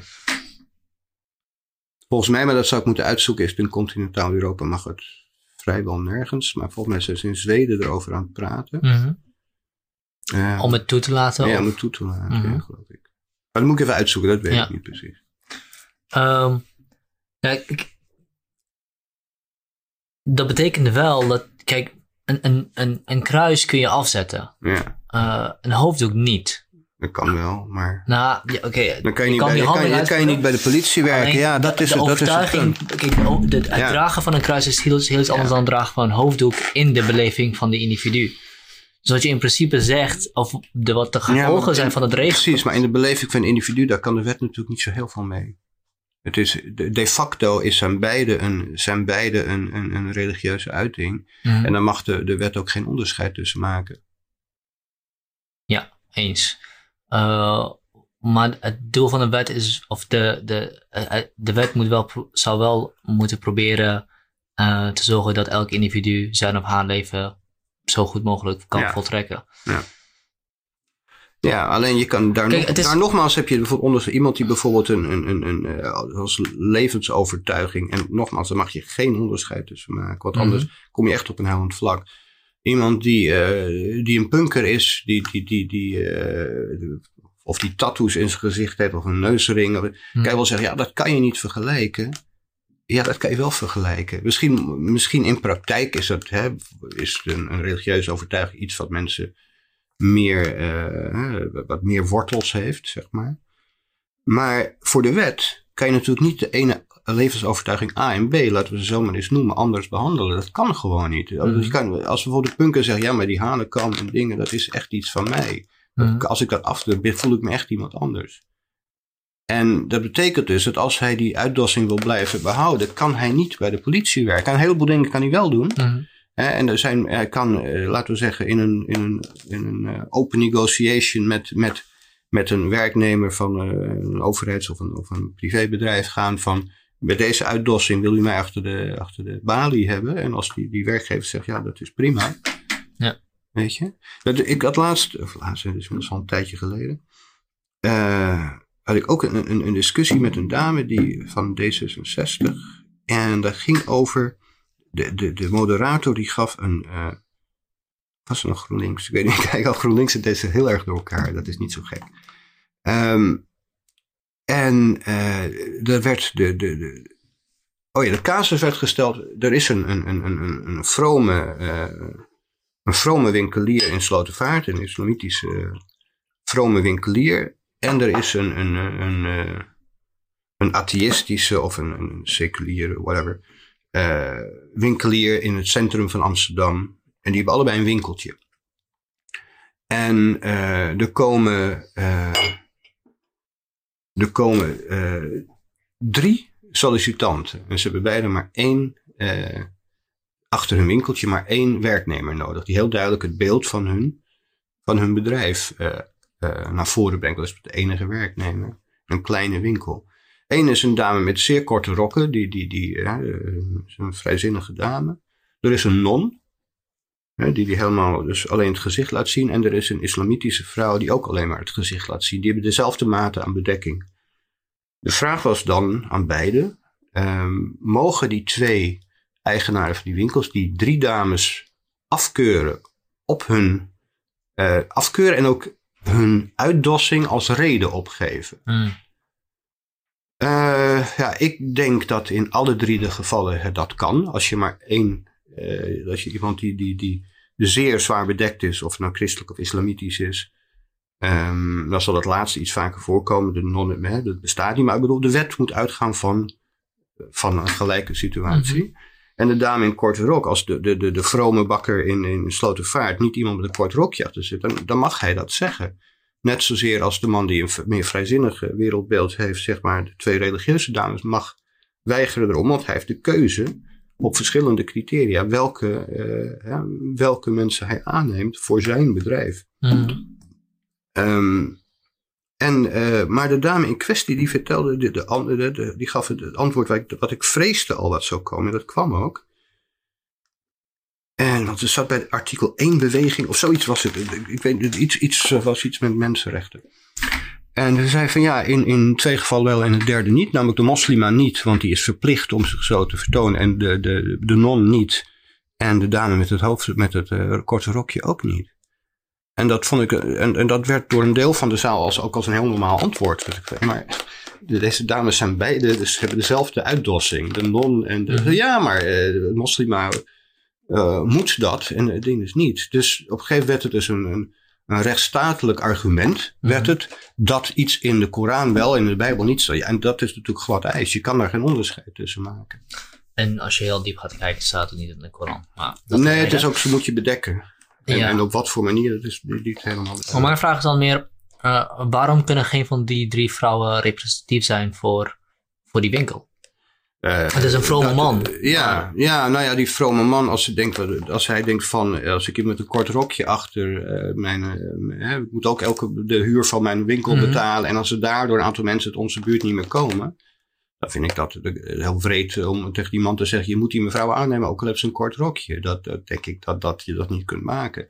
En net, zozeer, dat, net zozeer als dat, um, ja, bij wijze van spreken, eh, kan die winkel waar, eh, waar die, de, de non en de vrome moslima komen, kan wel in de, de reguliere dwarsstraat zijn, wat een gay uh, ding is. En, en mensen die zien dan mensen met een zeer strikt conservatief wereldbeeld.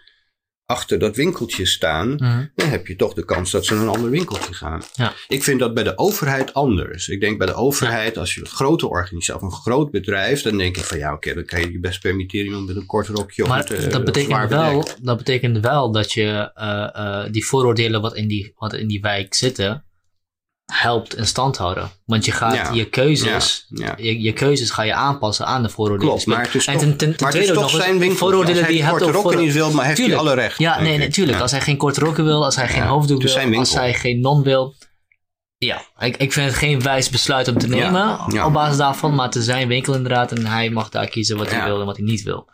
Ehm, alleen je houdt daarmee wel bepaalde dingen in stand. Ja, ja, ja, ja. Maar er is maar een bepaalde mate waarin, eh, qua het opleggen van een levensovertuiging, de overheid proactief mag zijn. Ik denk dat de burger voor een heel groot deel toch zelf zijn eigen, zijn eigen levensopvattingen moet kunnen eh, vormgeven, denk ik. Ja, ik zou. En dat bedoel ik, dat, dat bedoel ik dat secularisme mag niet op zijn Jacobijns zijn. Ja. Het moet niet, een- het moet niet eh, dan is het inderdaad wel de vrijheid opleggen. Hoe dom die uitspraak is, de vrijheid. Maar dan is het wel, dan dwing je mensen wel tot iets. ik denk en inderdaad. dat- dwang mag nooit een. eh, ik denk ook inderdaad dat het, dat het een grotere kwaad zal zijn om die man te dwingen om één van die drie aan te Ja, nemen. dat denk ik ook. Uh, maar hij kan ook kledingvoorschriften hebben en zeggen: Dit zijn de regels, Ja. kun je daaraan houden, ja of nee? Ja, natuurlijk kan dat. En dan, kan de, de, de kunnen de, de, de, En dan, dan, dan dan, kunnen dan de twee niet- vrome dames en, de- en de korte rokje dames, die kunnen zich dan eh, daar, eh, als ze willen, naar schikken. En dan ben Als ze die baan heel graag willen, ja. Ja, precies. Want dan ben je ook niet meer aan het afwijzen op het feit dat er mensen zijn die vooroordelen hebben. maar je hebt uiteraard. uiteraard ja. Dat, dat, dat als die dame een langere rok zou. En, en, en, en de, maar ja, wat je, wat je zelf zegt, het is voor mensen best be- belangrijk om, om bepaalde vrome kleding eh, te Mhm. dragen. En, eh, en ik denk ook dat in alle beroepen dat in principe is, behalve inderdaad de wetshandhaving. Ja, natuurlijk, kijk, als je een religieuze overtuiging hebt eh, en je wilt, je, je vindt dat je op een bepaalde moet- manier moet leven, daar, daar breng je Mhm. natuurlijk overigens mensen mee. En het feit dat je Ja. dingen daarvoor opoffert voor je religiositeit is natuurlijk eh, een onderdeel van je religiositeit. Ja. Ik vind het een, eh, ik vind het een heel lastige kwestie. Zeker omdat, omdat de uitwerking daarvan ertoe leidt dat bepaalde mensen van bepaalde zaken eigenlijk uitgesloten worden op basis van hun eigen keuzes voor levensovertuiging. Ja. Ehm, en dat lijkt iets te zijn wat, wat nou eenmaal zo is, misschien. En misschien is het beter om dat te accepteren dan om alles probeer, te proberen te, te fixen. Ja, maar weet je wat het is? Kijk, we hebben in Nederland, eh, dus, dus even los van binnenfuncties. Hè? Ik bedoel, Mhm. er is in Nederland een ruimere, een ruimere keus qua hoe je jezelf kleedt. Dan, dan eigenlijk, ik zou geen land weten waar daar meer marge is, zeg Mhm. maar. Hè? Ehm, in Nederland mag je dus echt eh, tot alles bedekken tot behalve dit. Als je gezicht moet zitten, dat is zeer ruim. Je mag op, in, het, in het publieke ruimte mag je eh, in een string met, eh, als je geslachtsdelen maar eh, bedekt, zeg maar. Dat is ruimer, is het bijna in geen enkele samenleving eh, de keus. Dus als zeg maar, het wordt verweten, ja, mensen worden verplicht in Nederland om, nou ja, ga dan elke tijd, elke plek en tijd in de wereldgeschiedenis af. Je zult zien dat West-Europa op dit moment nummer één is. Hè, daar is de grootste marge aan keuzevrijheid van hoe je, hoe je eh, bedoel. Ehm, dus, dus ik, ik denk, kijk, en bijvoorbeeld en vol- om volledig bedekt te gaan of om naakt te gaan, dan zijn weer bepaalde ruimtes. Er zijn bepaalde plekken. Als je bijvoorbeeld in een gebedshuis je helemaal wil bedekken, prima. En als je op een naaktstrand naakt is dat prima. Daar zijn ook weer Mhm.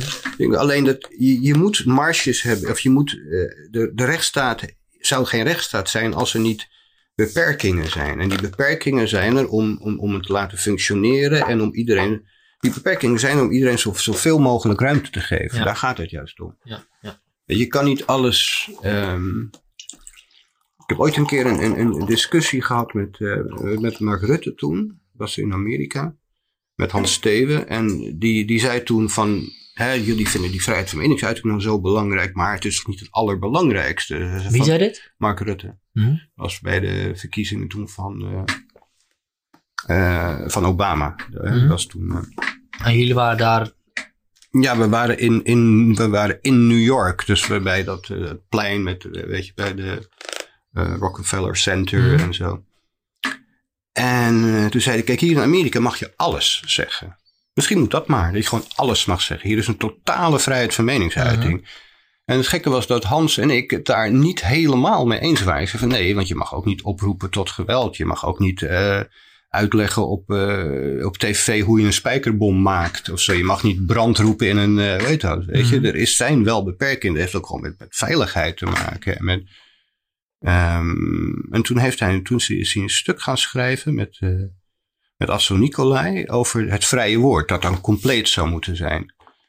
En uh, daar werd nogal op gereageerd, met name door het CDA toen. Dat ze zeiden, ja, dus die, die, die, die vonden dat een moeilijk stuk. Want er werd natuurlijk gepleit voor uh, vrijheid, dat, dat, dat religieuze meningen en niet-religieuze meningen gelijk moesten worden behandeld. En, en uh, dat afschaffing van de wet op de godslastering. dus Buma, die, was, die deed toen justitiële zaken voor het CDA. Die ging meteen tegen Rutte in de aanval. Uh, zei van ja, dus jij wil dus ook dat Mein Kampf uh, kan worden uh, verkocht in Nederland. Dat stond helemaal niet in dat stuk. Hmm. Tovik Dibi had het trouwens al voorspeld. Want die zei al tegen me, Buma is wat van plan. Let Wie? op, Dibi. Hmm. Die zei, Buma gaat, die, die was ook aanwezig bij de presentatie van een stuk. Tovik was daar en Buma. En die zei, volgens mij is Buma wat aan het verzinnen. en dat was inderdaad zo. Wat de komende, de, de dag daarna, toen werd toen werd uh, Mark heel erg aangevallen door, door Verhagen, meen ik toen. En, en dat ging daarover. En, en dat van, over mijn kamp. En overal in het journaal van Mark Rutte wil mijn kamp. Dat stond helemaal niet in dat stuk. Weet je, dus dat was heel erg ingewikkeld. Maar wel erg slim van het CDA om af te leiden, dat van het stuk af Ja. te leiden en mijn kamp erin te gooien. Als een soort stroopop. Dat er helemaal niet stond. Het is ook niet een eh, be- onbekende strategie om eh, iemands argument volledig Ja, ja, te ja, ja, juist, ja, dus ja, ja, je probeert altijd in debatten, probeer zoveel mogelijk dat te vermijden. Maar als het hard tegen hard gaat, zijn er mensen die echt bereid zijn om, eh, om eh, ja, een gele kaart te incasseren door een, door een tegenstander echt op de, op de hielen te trappen. Ja, Ja, ja. ja facts don't, don't always matter. Mhm. Goed, hoe kwamen we hierop? Heel veel. Over eh, of je religie en, en religieuze en, en profane ideeën, of je die wel of niet in alle gevallen hetzelfde moet behandelen. Ja. Waarbij ik vind van wel, je moet niet religieuze ideeën, eh, re- je moet niet religieuzen meer of minder rechten geven dan Mhm. anderen. Mhm. Wat is jullie eh, plan met Vrij Links? Wat, where from here? Uh, I wish we had a plan. nee, kijk, het is ons natuurlijk ook wel een beetje overkomen, weet je. Ik bedoel, het was gewoon een stuk in, in, in in de Volkskrant. En, en nou ja, op een gegeven moment worden, word, krijg je dan, word je dan benaderd door mensen die zich daarin kunnen vinden. En, en ehm, dus dan moet je een organisatiestructuur opeens eh, hè, gaan, eh, die een beetje buiten, die wel buiten de, de manifestschrijvers om is. Want Mhm. ja, alleen Femke is, is eh eh, voorzitster. En eigenlijk Aziës en, en Ketlik en ik zijn sympathisanten, zeg Hmm. maar. Dus het hele bestuur en eh, de back-office en, en, en, en eh, redactie, dat, daar zitten wij niet in. Hoe, zijn die, hoe zijn zij erbij gekomen? Zijn dat ook mensen geweest die ja, gezegd, oh, mensen, die, ja mensen die zich, die zich aandienden, ja. Is ook een website waar je die artikelen op Ja, ja, vrijlinks.nl. Ja. Ja. En dat, we hebben natuurlijk ook heel veel auteurs die, die, die, die schrijven. Maar op een gegeven moment eh, werden, we werden gewoon heel veel eh, benaderd. En we zijn dus nu zelfs verplicht om eh, juridisch zo te regelen dat we aan contactmanagement kunnen doen. Zodat we, dat, dat kan ook, mag ook niet zomaar. Dus dat je mensen... eh, Vanwege de AVG. En, eh, ja, weet ik, ik dat, daar zijn dus de stichting dan mee bezig. Ah, ik, hoor, ik hoor ook alleen maar dingen van. Wat, weet ik, ik heb daar verder niks mee te maken. Maar eh, ik zei op een gegeven moment dat zich twee, tijdens een interview dat zich 200 mensen hadden aangemeld. En toen kreeg ik van de Vrij door, Eddie, het zijn er nu al 1200. En dat is alweer een paar weken geleden. Dus, ehm, dus heel veel mensen hebben gereageerd en gemaild. En waar kunnen we eh, lid worden of zo niet, maar ja, lid worden. Of hoe, hoe kunnen we op de hoogte gehouden worden? Hoe kunnen we hier deel van eh, zijn? De mensen vragen dan of er eh, ontmoetingen zijn. Nou, binnenkort is er weer een borrel. Veel meer, we hebben natuurlijk geen geld. Hè? mhm. En, ehm en, eh, maar gelukkig wo- wordt Vrij Links heel veel uitgenodigd door debatten van de VVD, de jonge socialisten, de, de, de, de, de, de D66. eh het zijn allemaal clubs die ons dan uitnodigen. Of op basis van... op basis van wat, wat ze in de pers hebben gelezen, met name toen het zeg maar in de mainstream media kwam. Ehm, Hoe was de ontvangst daarvan? Um, nou, toen het eenmaal in de mainstream media... Kijk, aanvankelijk was natuurlijk toen het manifest kwam... Toen waren zeg maar degenen die zich als ideologische tegenstanders binnen links uh, zagen. Hè, dus die meer van, de, meer van de groepen, de identity mhm. zijn. Terwijl wij toch meer individu en uh, solidariteit tussen individuen zijn. Die, die waren natuurlijk zoiets van hier moeten we tegen ageren. Want als dat verhaal als waar wordt gezien, wordt ons verhaal als minder waar gezien. Dus dat met alle middelen, dus met alle strooppoppen en verdraaiingen erbij. Sommige waren fair, andere waren uh, ja, uh, rond het leugenachtig. Um, en een, week later werd dus vanuit de mainstream media ook weer daar op die reacties gereageerd. Hè. Sommige stukken NRC en de Volkskrant die haalden zeg maar, al hun argumenten bij naam en toenaam onderuit. En er wordt beweerd over vrij links dit, in werkelijkheid dat. Die en die zegt dat, in werkelijkheid dat. Dus je zag toch steeds meer dat bij, zeg maar, eh, de linkse media toch meer uh, meekregen. En, uh, en dat, er, dat er mensen uh, zich aanmelden. En, en als je dan het profiel van die mensen neemt, die dus langzaam steeds iets meer naar de. Hè, dat er ook zich meer uh, autochtone mensen zich melden. Um, dan zag je dat zo'n 80% is wel, heeft een, een, een partijalliantie, vaak -hmm. actieve leden, en 20% dan niet. En van die 80% was toch bijna de helft D66 en een heel groot deel GroenLinks. Mhm. En uh, relatief minder Partij van de Arbeid. En waarom dat is, weet ik niet. Nog minder uh, SP. Nou, we hebben wel contact met SP gehad. En die zeiden sowieso, SP'ers uh, organiseren zich sowieso vrij weinig buiten de eigen geledingen. En daarnaast, alles wat daar staat, dat is, staat bij SP in, in wat voor vorm dan ook wel in de, gewoon in het verkiezingsprogramma en in het beginselen. Dus wij begrijpen niet waarom we bij ons bij iets zouden aansluiten wat wij toch al vinden. Bij Partij van de Dieren hebben we geen contact gehad, maar dan kan ik me hetzelfde voorstellen. Die zijn natuurlijk ook, hoewel de leiding privé-religieus is natuurlijk een uiterst seculiere partij. Mm. Dus bij de uiterst linkse partijen, daar, uh, ja, daar hadden we gewoon minder. Uh, en misschien ook omdat het daar al in de, gewoon in de beginselen staat en in de verkiezingsprogramma's staat. Ja. Maar bij de burgerlijk linkse partijen, daar hadden we met name dus de, de, de, de, de groene partijen, licht en donkergroen, dus D66 en, en GroenLinks, daar hadden we echt de meeste toeloop van. En jullie worden nu echt heel veel uitgenodigd voor debatten. Ja. En op basis van, uh, van het manifest. En wat willen ze van jullie? Nou ja, dat uitleggen wat het is dat ze ermee in debat willen. Ze willen weten uh, welke elementen daarvan uh, goed vallen in, in, in, in hun eigen partijen. En dat is natuurlijk ook een beetje het ding. De meeste mensen die bij vrij links betrokken zijn, zijn natuurlijk al lid van een partij. Hè? De mhm. mensen vragen, willen jullie een partij zijn? De meeste zijn gewoon al lid. Ik ben PvdA en, en, en Kerkelijk dat. En er zitten, nou ja, ook wel toch weer veel D66'ers in. En um, Femke is ook PvdA. Um, ja, de, de, mensen vragen dat soms. En sommige brieven schrijven die hele verhalen van uh, dan weer een, een, wethouder in Meppel of een raadslid in uh, Roermond of weet ik veel wat. Van die kwamen dit en dit tegen en die willen een verhaal kwijt. En dat is heel herkenbaar voor mij van toen die tijd uit de Partij van de Arbeid, waar ik veel dus met, met die dan op je afkomen omdat ze iets lezen. Ik herken dat gewoon. Ik krijg die brieven niet, want ik doe de contacten niet, maar het bestuur krijgt die brieven en, en het back-office. En die lezen al die brieven. En, en, en nou, dat, wat zij daarover vertellen, dat doet me heel erg denken aan de reacties die ik kreeg in, in 2005, 2004, 2005 vanuit de Partij van de Arbeid. En alleen het is natuurlijk breder en groter. Ja. Zou je zeggen dat de situatie sinds 2005 extreem is geworden of juist gematigder? Nou, laat ik vooropstellen dat, dat, dat is een hele politiek ding. Hè? Laat ik vooropstellen dat, dat is, het is niet omdat ik deze vraag ontwijk, ik ga precies antwoord op die vraag stellen, uh, geven, is dat, um, maar belangrijk daarbij is te weten dat als je naar Nederland kijkt, mm-hmm. dan vind ik dat, dat, dat het eigenlijk uh, op het gebied van polarisatie, het gebied van integratie, dat het eigenlijk in Nederland eigenlijk behoorlijk goed gaat. Mm-hmm. Um, en zeker als je het vergelijkt met landen om ons heen. Ik heb de afgelopen drie, vier jaar veel uh, probleemsteden bezocht. Van, van Duisburg tot, tot Charleroi, Lyon, um, uh, Genoa, in Engeland een aantal steden. Uh, Malmö. Um, en dat is allemaal vele malen erger dan, of problematischer dan hier. Veel mm. gesegregeerder.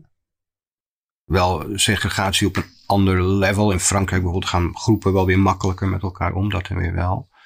Maar, um, en dan ga je afvragen, waarom is die, wij kennen al onze probleemwijken nog bij naam. Die komen af en toe in de krant en het blijkt om vijf blokken te gaan en wordt er dus een steen naar een dinges gegooid. Of een, natuurlijk zijn er in Nederland ook problemen, maar uh, in Zweden of in Frankrijk of in Engeland uh, zouden ze hopen dat ze onze problemen hadden. Mm We weten het aantal probleemwijken die wij landelijk hebben, die hebben ze in Stockholm al in een stad of zo, weet je, bij wijze van spreken. En, en ik denk dat, ik heb het ook wel met Abu Talib over gehad, even names droppen, maar die vroeg zich ook af. Die zat ook een keer met een groep mensen. Zo, hoe kan het dat het in Nederland... Als je nog een paar shout-outs wil doen, dan kan dat. Als je nog een paar shout-outs wil doen, dan kan ja. Nou ja, ik, Abu, Abu Talib, ik bedoel, er zijn sommige dingen waar ik niet mee eens ben, andere dingen weer wel. En, en ik, ik, ik mag hem graag. Um, we kunnen het goed vinden, laten we het zo zeggen. En uh, die vroeg zich ook hardop af, um, in bijzijn van aantal journalisten en politici. Uh, hè, we, we, we, kwamen in een huddle om te kijken met een aantal burgers ook van verschillende kom af. Van hoe, hoe, uh, hoe komt het dat het, als we constateren dat het hier toch beter gaat in onze buurlanden, hoe mm. komt dat dan? Hè, aanvankelijk was misschien het idee, oké, wij hebben uh, onze samenstelling van bijvoorbeeld onze migrantenpopulatie, dat, dat groot contingent aan Turken en Marokkanen, die over het algemeen in een recente geschiedenis wel in hun eigen landen de moderniteit en secularisatie meegemaakt hebben of daardoor aangeraakt zijn, wat een deel is van hun politieke cultuur. Mm -hmm. en terwijl ze bijvoorbeeld in Engeland met veel met Somaliërs te maken hebben, of Syriërs, wat natuurlijk minder is. Hè. En, um, maar dan, dan, dan kom je toch weer tot, tot de vaststelling dat, die, dat België ook die opbouw heeft en dat het daar minder goed gaat. Hoe, waarom gaat het bij ons dan beter? En ik denk ook dat, wij hebben denk ik een aardige mix. Dat was een van de conclusies. Ik denk wel een belangrijke. Tussen, laten we zeggen, als je het vogelarisme en bolkestanisme noemt. Wij, wij kijken wel naar die wijken. Over van, hè, zijn, is er genoeg vertier? Zijn de plinten geschilderd? Uh, zijn er genoeg bushaltes? Weet je? Wij kijken daar beter naar dan in Frankrijk. Als een Franse politicus naar een wijk gaat en het is een, het is een Janboel. Dan zegt hij, uh, wat is die een kutzooi? Als ik over een jaar terugkom, dan moet dat geregeld zijn. Les citoyens worden min of meer geacht dat ze het voor een deel dat toch wel zelf ter hand nemen. Mm. België ook, hè, een beetje. Dat is toch een beetje laissez-faire. Terwijl in, in die Lutheraanse landen zoals Frankrijk, of Duitsland en, en, en Zweden, daar is heel erg van het pamperen is daar tot een kunst verheven, weet je. En, en, en dat is juist weer het tegenovergestelde. En ook daar gaat het niet goed. Mm En ik denk in Nederland die combinatie die wij hebben, die, daar is denk ik door de buurlanden best wel wat van te leren. Hoewel het bij ons ook nog niet perfect gaat natuurlijk. Het moet altijd beter, het moet altijd beter. Maar um, ik denk dat wij het redelijk goed doen, denk ik. Ik, ik, ik geloof dat, dat alarmisme, uh, als je een Nederlandse context krijgt, dat dat niet terecht zou zijn. Ik denk ook, ook dat je in Nederland niet kan zeggen dat de multiculturele samenleving mislukt is. Ik denk dat het relatief gelukt is.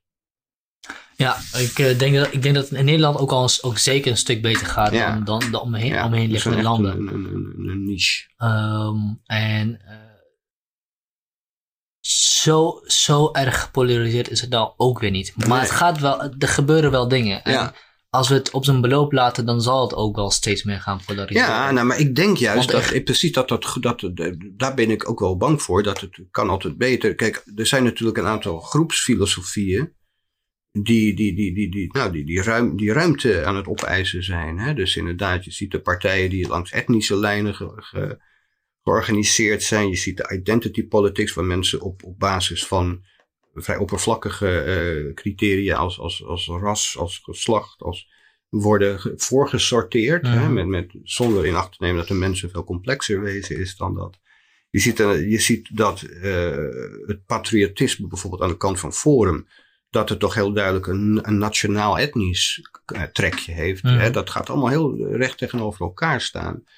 En daarom denk ik dat je, je moet op zoek naar, uh, naar gezamenlijkheid. Mm. En daar moet de overheid in zekere mate toch proactief binnen de mate waarbij je zeg maar eh, een infringement op het persoonlijk ja. leven van, van die burgers kan. Vraag me af hoe, hoe ver daarin de verantwoordelijkheid van de overheid gaat. Om, ik bedoel, het gaat wel enigszins mm. over een gebruik aan een, aan, een, uh, aan een gedeeld narratief wat we hier ja, hebben. absoluut. En, daar, en daar kan je niet anders dan proactief zijn als overheid. Ik geloof, ik ben natuurlijk wat dat betreft sociaaldemocraat. Ik geloof wel in, in, in dat de samenleving, ik geloof niet dat de samenleving maakbaar is. Maar datgene wat je eraan kan repareren en bijsturen, dat moet je niet nalaten, denk Mhm. ik. Mhm. Maar eh, op wat voor manier kan, kan een overheid eh, een, een, een gedeeld narratief eh meehelpen aan een gedeeld narratief On- zonder... Onderwijs, onderwijs en grond, eh, grondwettelijke eh, helderheid, dat zijn wel dingen die heel belangrijk zijn. Mhm. Ehm, en ik denk dat, dat bijvoorbeeld, hè, ik, we waren een tijdje geleden, een maand geleden of zo, werden wij uitgenodigd door de VVD, door Klaas Dijkhoff. Mhm. Die had een essay geschreven en eh de essay eh, ging over samenleven, over hoe je de samenleving toekomstbestendig maakt, dat je moet Mhm. met, met elkaar door een deur, met een heel groot eh, focus op onderwijs. Ehm, een heleboel dingen in dat, man, in dat essay leken erg op wat, wat, wat Vrij Links had geschreven. Hè? Dat, dat er wel de, focus op onderwijs, op open debat en dat soort dingen. En, en die, die zoektocht naar saamhorigheid. Ehm, en daar had hij mij en, en Elsevier, eh columnist Afshin Elian en een D66 onderwijsdeskundige. Iemand uit de, de wereld van de, de, de, de lerarenbond, geloof ik. Hoofd van de lerarenbond, zoiets. en dan hadden de vraag die eigenlijk dat essay stelde, dat was, ehm, mag je een liberaal resultaat nastreven met onliberale middelen? Hè, of moet je liberale middelen blijven hanteren met het risico dat er een onliberaal resultaat ontstaat. Wat bedoelde hij daar nou mee? Ehm, hij bedoelde ermee bijvoorbeeld op onderwijs, en, en die focus lag heel erg op onderwijs. Eh, mag je bijvoorbeeld eh, eh, alleen openbaar onderwijs als leidend gaan nemen? Ja. Dus, dus een beetje verdergaande dus dan, dan, dan waar ik het net over had, maar echt het afschaffen van het religieus onderwijs. Mhm. Ehm, zodat mensen samen met elkaar naar school gaan, eh, dichter op een gedeeld waardepatroon komen te zitten, meer pluriformiteit in hun lespakket krijgen en meer keuzevrijheid in hun levensovertuiging als resultaat. Dat is een illiberaal middel. Hij zei van dat is een nogal socialistisch middel. Hij zei van dat is voor jullie, eh, voor mij in dit geval, eh, met dat manifest makkelijker als sociaaldemocraat om zo'n socialistisch middel in te zetten, namelijk een sterke staat, maakbaarheid, eh, waarin de overheid het curriculum bepaalt. Voor mij als liberaal is het moeilijk, zei hij van, eh, ik ben niet links, zei van, dus ik vind dit illiberale middel moeilijk. Hij zei, alleen, ik moet toegeven, als ik dit zou toepassen, dan is het resultaat waarschijnlijk liberaler. En daar wil ik wel naartoe. Of moet ik een purist zijn als liberaal en zeggen van iedereen mag alles en, en, en dit en dat wat je je kinderen leert moet je zelf weten. Het resultaat is alleen dat mensen met de ruggen naar elkaar komen te staan. Hij zei van die open vraag heeft hij gesteld. Hij zei, ehm, eh, ik ben meer genegen naar het eerste. Eh, schaf af dat, dat, dat, eh, religieus onderwijs. We hebben lang genoeg betaald aan de confessionele voor de vrouwenrechten. Voor het vrouwenkiesrecht. Het is nu tijd om zeg maar proactief te zijn, om, om, om, om een soort, nou ja, om aan één land te gaan werken. Hm. En ehm, nou, dat was de open vraag die hij aan ons en het publiek stelde. En daar moesten wij op reageren. Het is, En het is inderdaad voor een liberaal best natuurlijk moeilijk, want hè, daar waar openbaar onderwijs als leidend eh, voor de, de, de extreem linkse kant van het spectrum eh, voorstelbaarder zijn en haalbaarder zou zijn als de hele Kamer uit SP en eh, Partij van de Dieren zou bestaan, dan zou zo'n wet erdoor komen. Maar nu ter eerste, de eerste kant ter rechterzijde, want natuurlijk zijn VVD, of nee, zijn PVV en Forum natuurlijk ook niet eh, seculier. Die maken een onderscheid tussen islamitische scholen en andere scholen. Mhm. Maar het was de eerste keer dat, dat ter linkerzijde een prominent politicus zei van nou hier wil ik over nadenken. Mhm. Dus eh, dat is een interessante ontwikkeling. Ik denk dat dat gewoon niet haalbaar is op, op korte termijn. Omdat inderdaad waarschijnlijk zul je alleen die extreem linkse partijen meekrijgen daarin. Ik denk zelfs dat je GroenLinkse Partij van de Arbeid daar niet in meekrijgt. Maar goed, het is wel een springplank voor een discussie. En daar gaat het om. De discussie is hoe pluriform kan je een, een, een, een samenleving laten eh, functioneren. En, en, en, en hoeveel gezamenlijkheid is daarvoor nodig. En hoe bewerkstellig je dat? Eh, Het is een variatie op de eerste vraag die we hadden. Wat is de rekbaarheid van een verzorgingsstaat? Maar je kan ook de vraag stellen, Ja. wat is de rek- rekbaarheid van individualiteit? Want Ja. het, lijkt ook wel enigszins haak te staan op, op het verhaal wat je eerder zei. Het verheffen van de individu en het Ja. sterker maken van de individu. Maar hoe zorg je ervoor dat die individu geen eiland wordt? Of een eiland wordt Ja. eh, van een Ja, ja. bepaalde groep mensen die zichzelf weer een eiland zijn.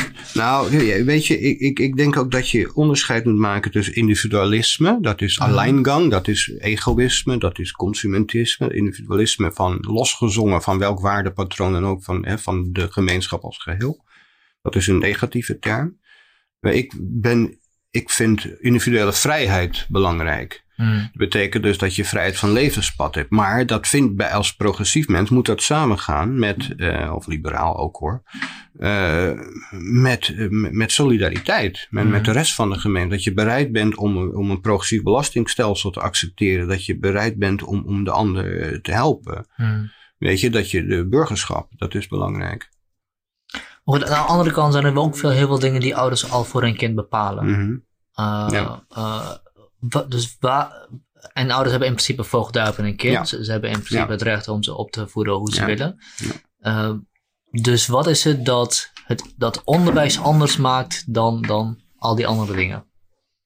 Nou, onderwijs, dat is gewoon, dat is een omgeving waar kinderen eh, vijf dagen per week zitten. Of het mij betreft vier dagen per week en een, een, een dag eh, onderwijs in de religie van hun ouders. bij. Want dat, dat, kijk, geen zin is het zo dat ik dat eh, wil bagatelliseren. Dat traditie ook natuurlijk een, belang, een belangrijke bouwsteen van de identiteit is. Van waaruit je weer makkelijker in de pluriformiteit in kan. Hmm.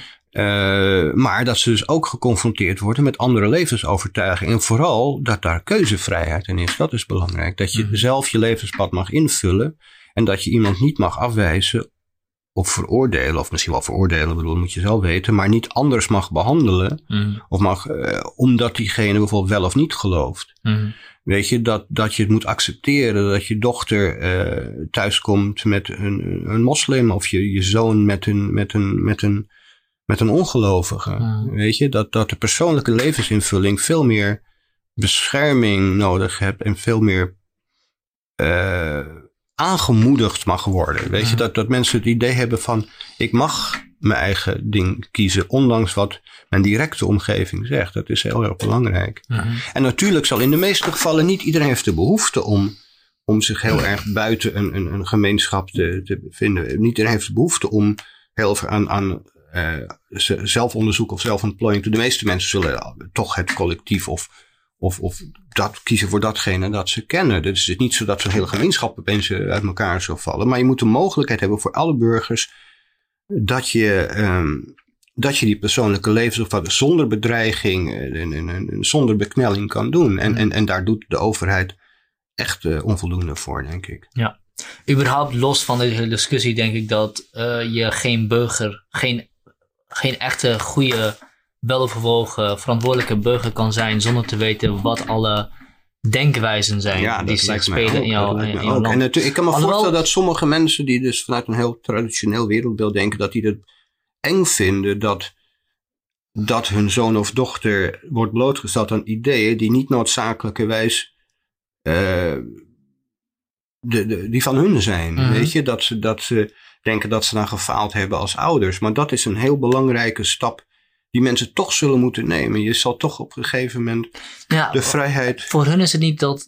Voor, voor een superconservatief ouder is het niet dat die kind uh, blootgesteld wordt aan iets wat niet van hun is. Ze worden blootgesteld aan iets wat fout is. Ja, ja. Uh, voor hun is het in principe hetzelfde als ik mijn kind het creationisme zou laten leren. Ik vind dat verschrikkelijk fout. Ja. Waarom zou ik überhaupt mijn kind daaraan blootstellen? Dat is ja, maar ja, ja. Nou, dat, maar dat is het. Maar in een open samenleving zijn er. Uh, heeft het individu heeft toch een, een bijzondere status, wat Mhm. mij betreft. Die moet inderdaad de kans krijgen, onafhankelijk waar zijn wichtje staat, hoe kansrijk uh, de, de, de, hè, Mhm. zijn. Hij is van, uh, vanuit zijn basissituatie. Om die mogelijkheid te hebben om zich te ontplooien alle kanten op. Ja. En dan denk ik dat het individu een, een dermate belangrijke entiteit is. dat die voor de groep gaat. Zeker naar de overheid toe. En los van religies en, en denkwijzen zijn er ook andere dingen geweest die mij heel erg persoonlijk hadden geholpen als ik die had gehad tijdens mijn, Mhm. tijdens mijn opleiding.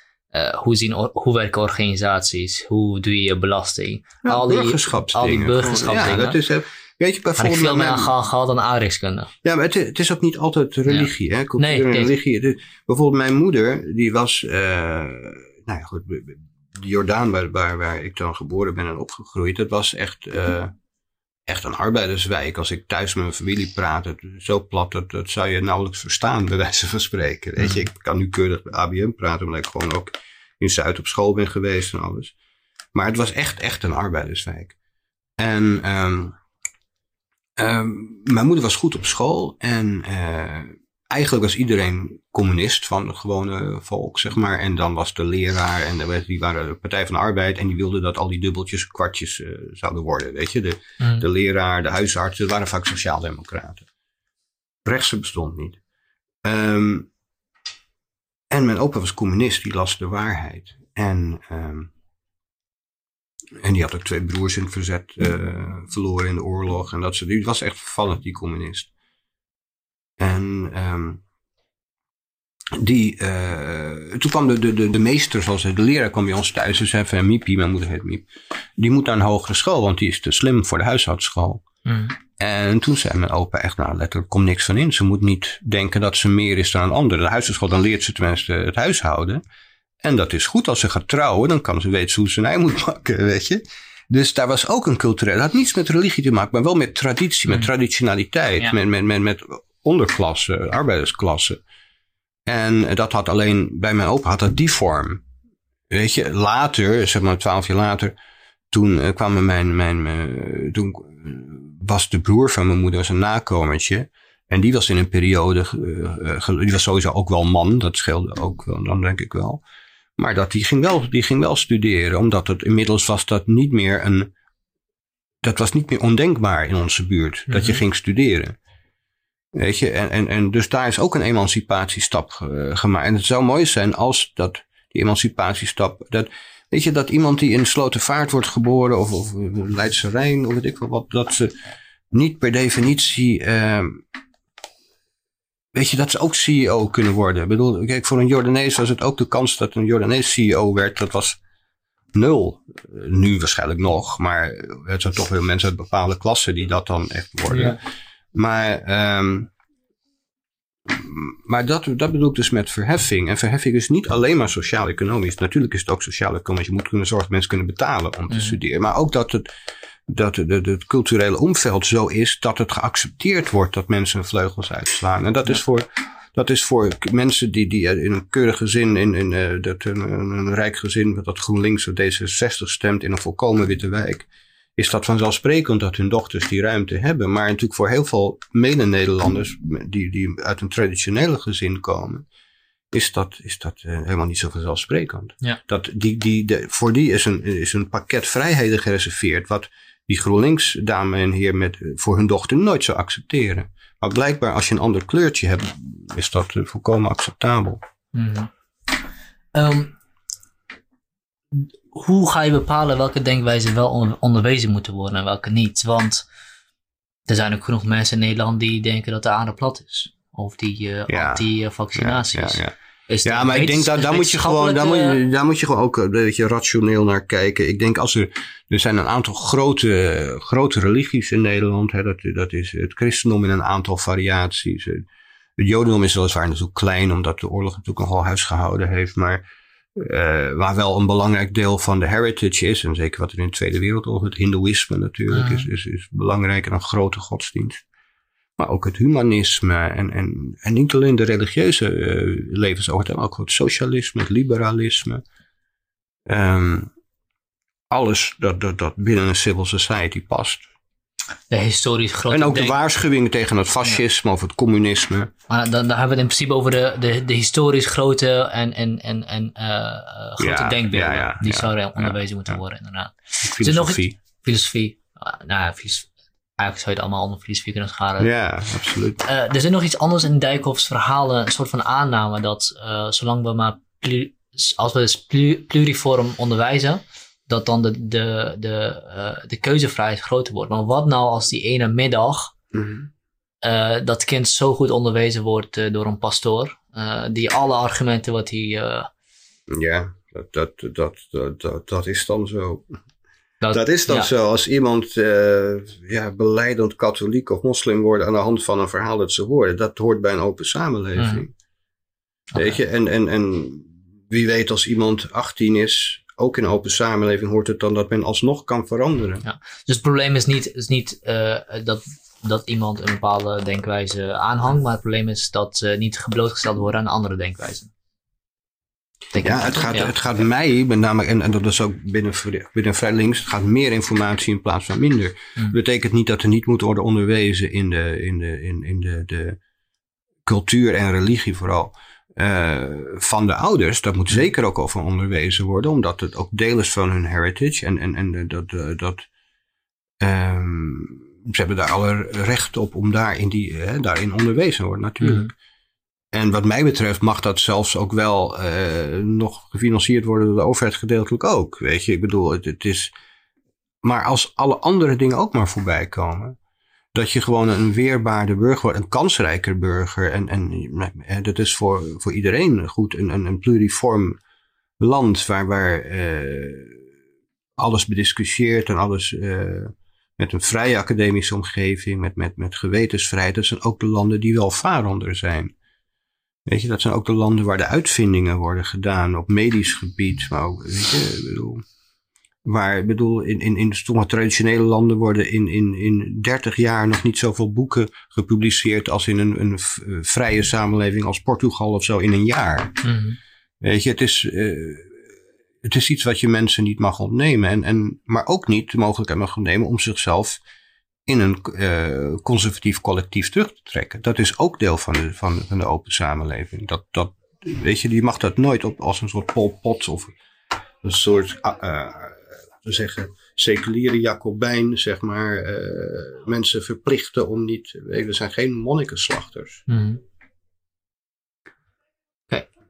Um, voordat we hier binnenkwamen en, en begonnen, was er nog iets waarvan je dacht, oh, dat zou ik wel even... Ja, maar dan hadden we het over, ging het over, we kwamen op een gegeven moment over, oh ja, over instituten kwamen we het over, oh, over ja, de vrije ja, pers. Ja, ja, dat is ook nog wel iets wat, wat, wat, wat, wat mij toch stoort. Is het anti-institutionalisme. Anti-institutionalisme, en dat zie je... Um, Zeker bij PV. Ja, die zie je toch, dat zie je toch eigenlijk wel meer aan de rechterkant eigenlijk. Ook wel een beetje aan de linker complotkant, zeg maar, maar toch maar namelijk aan rechts. Is dat dat de instituten bij, nogal... bij, bij Simons misschien meer en bij, ook, bij ook, organisaties zoals Zwarte Piet. Ja, ja, nou ja, daar zit het ook, maar dat is natuurlijk klein. Mm. Maar zeg maar, partijen met echt een stevige aanhang ook in, in hè, die samen bijna, die samen 30 zetels een beetje al nog meer. Zoals Forum en, en PVV, daar is heel erg de, de trend van, uh, en zonder, uh, zonder ironie ook vaak, dat onze instituten uh, verrot zijn. Hmm. de term uh, nepparlement, uh, D66-rechters, neppers, fake news, weet ik wat allemaal. Dat is wel een beetje, dat is zorgelijk als dat een grote. natuurlijk is er, wel, is er wel wat aan te merken op persen op de rechtspraak. Maar onze instituten op zich zijn natuurlijk fantastisch functionerende instituten. Op het gebied van persvrijheid, wat er ook op aan te merken. Je moet daar kritisch over zijn. Maar dat je de instituten als geheel verdacht maakt, dat is, dat, dat vind ik dat is echt gevaarlijk zelfs. Maar dat is, wel, dat is, dat is iets redelijk nieuws of is dat veel ouder al? Nou, het is, ik, ik denk dat je het een beetje in de laatste 15 jaar uh, en, langs ziet komen. Ja. Met de opkomst van? Nou, toch de rechtspopulistische partijen. Ja. En, en... Weet je, en, en, ik vind hun analyse van politieke correctheid en dat soort dingen, ik kan daar vaak geen spel tussen krijgen. Weet je, ze hebben daar echt absoluut, absoluut een punt. Alleen hun oplossingen zijn, zijn vaak uh, bijna niet eens rechtsstatelijk of plat. En, en het anti-institutionalisme vind ik echt een probleem. Hm. Weet je, er wordt zo gemakkelijk gedacht over dat, dat, dat, dat, dat onze instituten verrot zijn, zoals de EU. Tuurlijk, de EU, deze EU dat is, uh, die is problematisch, omdat ik vind dat het veel te snel richting centralisme gaat, waardoor het hele EU-project wel eens zou kunnen knallen. Mm Ik vind Verhofstadt en, en, en, en, en Juncker en zo, ik vind het allemaal die maken de hele boel kapot. Want je mhm. kan, weet je, ze hebben met, ze hebben met gedroomde Europeanen in hun beeld dat er een Europees volk is, wat helemaal, dat is nog niet zo. Als je nu alle enti ent uh, nationale entiteiten dermate onder druk zet, dan, dan, dan maak je de boel stuk. Daar ben ik absoluut Maar ik vind de EU wel een heel belangrijk iets. En wat vind je dan van de, van de situatie met Hongarije? Hoe dat aangepakt wordt? Nou, dat, kijk, het is te ver gegaan in de zin van centralisatie. Nu krijg je dus inderdaad dat soort gedrochten, zoals in, in, in Hongarije en in Polen. En er is zoveel politieke macho-cultuur, ook in Bulgarije, waar onderzoeksjournalisten worden vermoord in Slowakije. Ik denk dat, dat je, als je denkt dat dat maar één politieke entiteit is waar geen uh, politieke cultuurverschillen in zitten, kijk, dan kan je niet zo makkelijk. Ik denk dat het ook veel te snel is gegaan om sommige landen erbij te betrekken. Mm. Natuurlijk is het belangrijk, ik ben ook veel in die landen voor culturele uitwisselingen en zo. En overal zie je een soort vrijzinnige uh, intellectuele bovenlaag of jongere studenten die niets liever willen dan, uh, dan die vrijheid. Maar ik denk dat, dat ja, je moet daar slimmer mee omgaan. Je moet, kijk, nu kan je niet anders dan, zeg maar, uh, nu kan je niet anders dan, zeker op basis van de, de persbreidel en nu wil Orbán wil ook weer de, de bepaalde takken in de, in de, op de universiteiten, zeg maar, mm de nek omdraaien. Ik heb ook mijn bedenken tegen sommige takken, maar maar academische vrijheid staat voorop natuurlijk. Hè? Dat je daar inderdaad, dat je daar maatregelen tegen moet nemen op, het moment, op dit moment. Maar, uh, maar ook het besef dat, dat zeker Oost-Europa, waar ze heel lang centralistisch vanuit Moskou zijn geregeerd, dat, dat als je daar het nationalisme, wat, wat een gevaarlijk giftig goedje is, dat, dat je het idee hebt dat, dat je dat zomaar overheen kan lopen. Dat, en door, die, die, door ultracentralisatie, dat is echt gevaarlijk. Want je ziet nu al de facto dat er een hele band is van Polen tot en met Italië, die zich in zekere zin al buiten, de, buiten het bereik van Brussel bevinden. Het is zelfs al aan het, het, is aan het af, af, uh, afbrokkelen nu al. En daar, daar de, ik denk dat, dat Europa moet echt een, eh, ook uitspreken dat het niet een, een, een, een, een bondstaat wordt. Het moet echt zeker op, deze, op, op korte termijn een statenbond, een hechte statenbond blijven. Want mhm. Europa is natuurlijk, uh, laten we zeggen, economische samenwerking is belangrijk. En meer dan al het andere is Europa natuurlijk ook een, een, een, een entiteit van mensenrechten, van civil mhm. societies, met, met, met herkenbare instituten. Maar ik denk op dit moment is, het, is Europa ook juist zo sterk. Juist omdat Duitsland bestaat, juist omdat Denemarken bestaat, juist omdat Portugal bestaat. Mhm. Dat maakt het zo sterk. Het zijn die culturele identiteiten en daar de samenwerking tussen die het sterk maken. En als je er één grote euroworst van maakt op dit moment, daar is gewoon geen, daar is geen, geen, daar is geen draagvlak voor. Gewoon, weet je, dat, dat, dat, dat, dat is iets, het is net alsof sommige europolitici dat die voor, het, voor een, een, een, een orkest uitlopen als een soort majorettes en helemaal niet omkijken wat het orkest nog speelt. Ja. Het, het begint iets potsierlijks te krijgen. En, en, en daarom ook, ik denk, en dat is een heel belangrijk punt, en dat is eigenlijk een belangrijk punt van Trump tot met Brexit of zo. Als zeg maar degene die de bestuurslaag vormen, die de academische elite zijn, die de, de pers, eh, als, als die te weinig beseffen dat Europa bijvoorbeeld bestaat uit mensen die een, die een, een lokaal leven leiden, de somewheres, hè, dat dat een hele grote groep is. En dat de anywheres, waar zij vaak zelf toe behoren, waar, hè, wij toe behoren, omdat we een cultureel profiel en onze talen spreken en bla bla.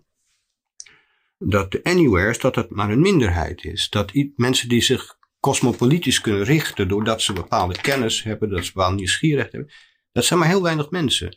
Als iemand in, in, in, in weet ik veel wat, in, uh, in Genua zijn, zijn, zijn baan verliest, een keramiekfabriek, omdat het geoutsourced wordt naar uh, ergens binnen de EU, eh, Bulgarije, dan, is, dan gaat die persoon niet denken, oh, wat zal ik nu een sabbatical nemen? En, ach, laat, en mijn kind doet al een start-up in Bremen.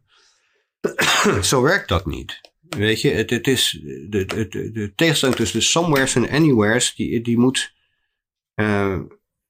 de somewheres hebben ook meer erkenning nodig.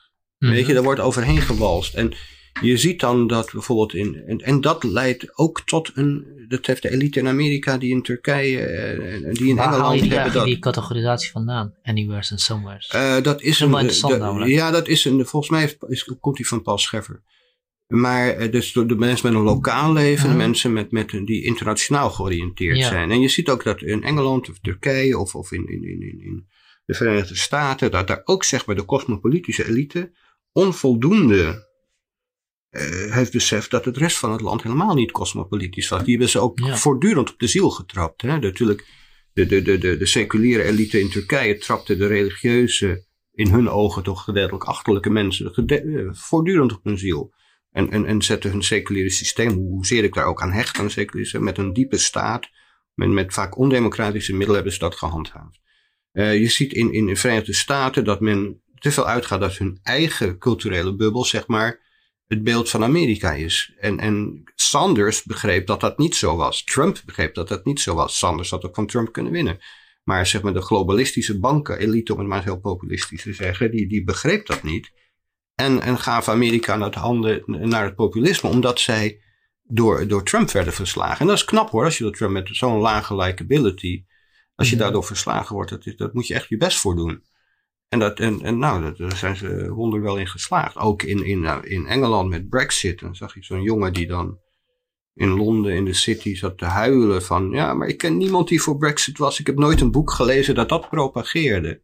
Dat is misschien ook wel het probleem. En dan kan je niet zeggen, ja, het zijn de lager opgeleiden die voor, uh, die voor Brexit hebben. Met andere woorden bedoelen ze eigenlijk mee de dommen. De dommen hebben dat gedaan. Mhm. De armen hebben dat gedaan. En de armen zijn lager opgeleid. Want die hadden niet, in ieder geval hun perceptie, niet het idee dat, uh, dat Brussel voor hen iets betekende. Misschien is dat wel zo. Ik ben geen econoom. Misschien is dat wel een ramp voor ze, weet ik veel. Mhm. Ik bedoel, links beweert allemaal van, of links, maar de globalisten bedenken allemaal van, oh, dit is vreselijk voor Engeland. Rechts hebben, dat is fantastisch voor Engeland. Ik heb geen idee. ik denk dat het niet goed is voor Engeland, maar misschien vergis ik me. Oké, interessant. Uh, even terug naar het anti-institutionalisme. Mm -hmm. Uh, daar, daar, daar wordt heel makkelijk over gepraat. Ja. Uh, vooral door uh, Forum, vooral door PVV, denk ik. Um, denk je dat daar ook iets achter zit? Of is het vooral groot praten of, of wat dan ook? nou, als je dat serieus gaat nemen. Kijk, zoals bijvoorbeeld Geen Stijlen doet, die doen met een soort van ironie. En, en, en ik denk dat daar meer democratisch bewustzijn zit dan in de kringen rond, rond Forum.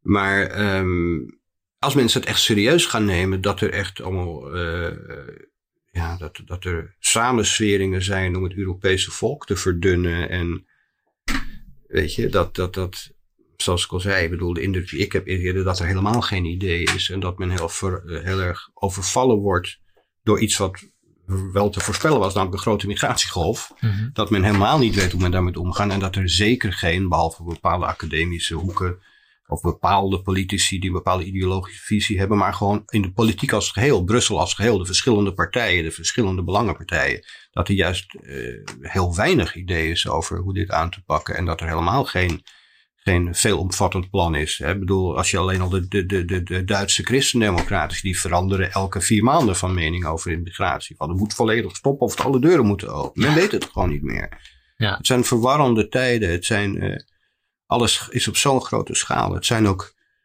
geen, uh, nou bepaald geen liberale tijden, weet je. Het zijn tijden van de sterke mannen en van de, van de weet je, er is geen grote volksbeweging, er is geen Martin Goed, in een tijd geen van, Ja, maar in een tijd van verwarring, in een tijd van wellicht zelfs crisis, is het mm. niet vreemd dat de, dat de sterke, sterke persoonlijkheden aan macht winnen. Ja, ja, ik vind Nederland uh, in, in relatie tot een, tot een crisis. Dat vind ik ook wel problematisch. we zijn natuurlijk, gaan we naar buiten. Zie je de hmm. crisis? Voel je de crisis? Dan denk ik. Ja. Nou, maar er is wel inderdaad een... een, een, een en in Nederland hebben we niet echt een Er is een, visie, er is een crisis van visie. Hè? Een hmm. crisis van visie. Omdat dat, ja, dat, dat, ik, ik zie uh, in de politiek toch, wij, toch heel veel... Uh, mensen die op elkaar reageren, maar echt een visie naar buiten brengen. Uh, anders dan ideologie, maar echt een visie over, een realistische visie over waar moeten we naartoe. Daar, daar wordt er weinig over gesproken. Het is heel erg elkaar vliegen afvangen, elkaar uh, de achterban uh, plezieren. Maar ik vond eigenlijk hoezeer ook het feit dat, dat Dijkhoff als toekomstig politiek leider van de VVD een, een, een, voor zichzelf een, een, beeld, hè, een langer beeld schetste. Wat bijvoorbeeld ook Marianne Thieme met Edward Engelen hebben gedaan. Gewoon mm. eens naar voren kijken. Dat vond ik op zich verfrissend. Er staat ook idiote ideeën bij, zoals bijvoorbeeld de, de postcode rechtspraak. Hè? Dat je dan, als je in een al zwakke wijk ook nog eens oh ding is, dat je daar zwaarder voor gestraft zou worden. Ik, denk dat dat, dat ondergraaft de rechtsstaat. Maar, en uh, ook uh, uh, bijstandshouders? Ja. Als die niet genoeg hun best doen of iets dergelijks, ja, kort op hun bijstand? Ja, nee, maar dat, dat, dat, dat brengt weer de zwakkere wel weer in een nog moeilijker positie. Mm. Dat is vanuit een, een, een, perspectief van dat je in een, een goede wijk woont. Daar, daar kan je ook, uh, hoe heet het, als, daar kan je zoon ook wel eens uh, belastingfraude plegen. Dat ga je dan mhm. zeg maar een deel van het kapitaal van de ouders afnemen. Mm.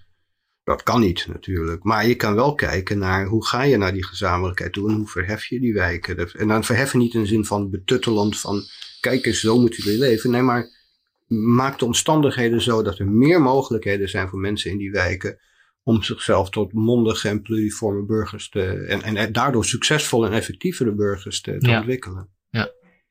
En uh, een groot deel daarvan, dat is in principe wat je met Vrijlinks wil, wat jullie met Vrijlinks, waar jullie aan willen werken. Om te helpen ja, individuen. Ja, dat, dat, is wel. Dat is dus, als we het rondje. Het, het, het, nieuw op, het, op, op een voetstuk plaatsen van het individu. En niet in de zin van individualisme, maar gewoon persoonlijke vrijheid. En vanuit persoonlijke, persoonlijke vrijheid is een, is een onmisbaar ingrediënt voor verheffing. Dat kan niet zonder. Je kan er zoveel geld tegenaan gooien. Op het moment dat je niet het idee hebt dat je zelf kunt uitademen, dat je je eigen levenspad kunt kiezen, dan, dan zul je toch altijd minder effectief zijn. En, en, en, en uh, dat mag je iemand niet ontnemen, dat is het meer. Ik denk dat het een goed punt is om af te sluiten. Ja? Okido. Dankjewel. Okay, man. Dat is leuk.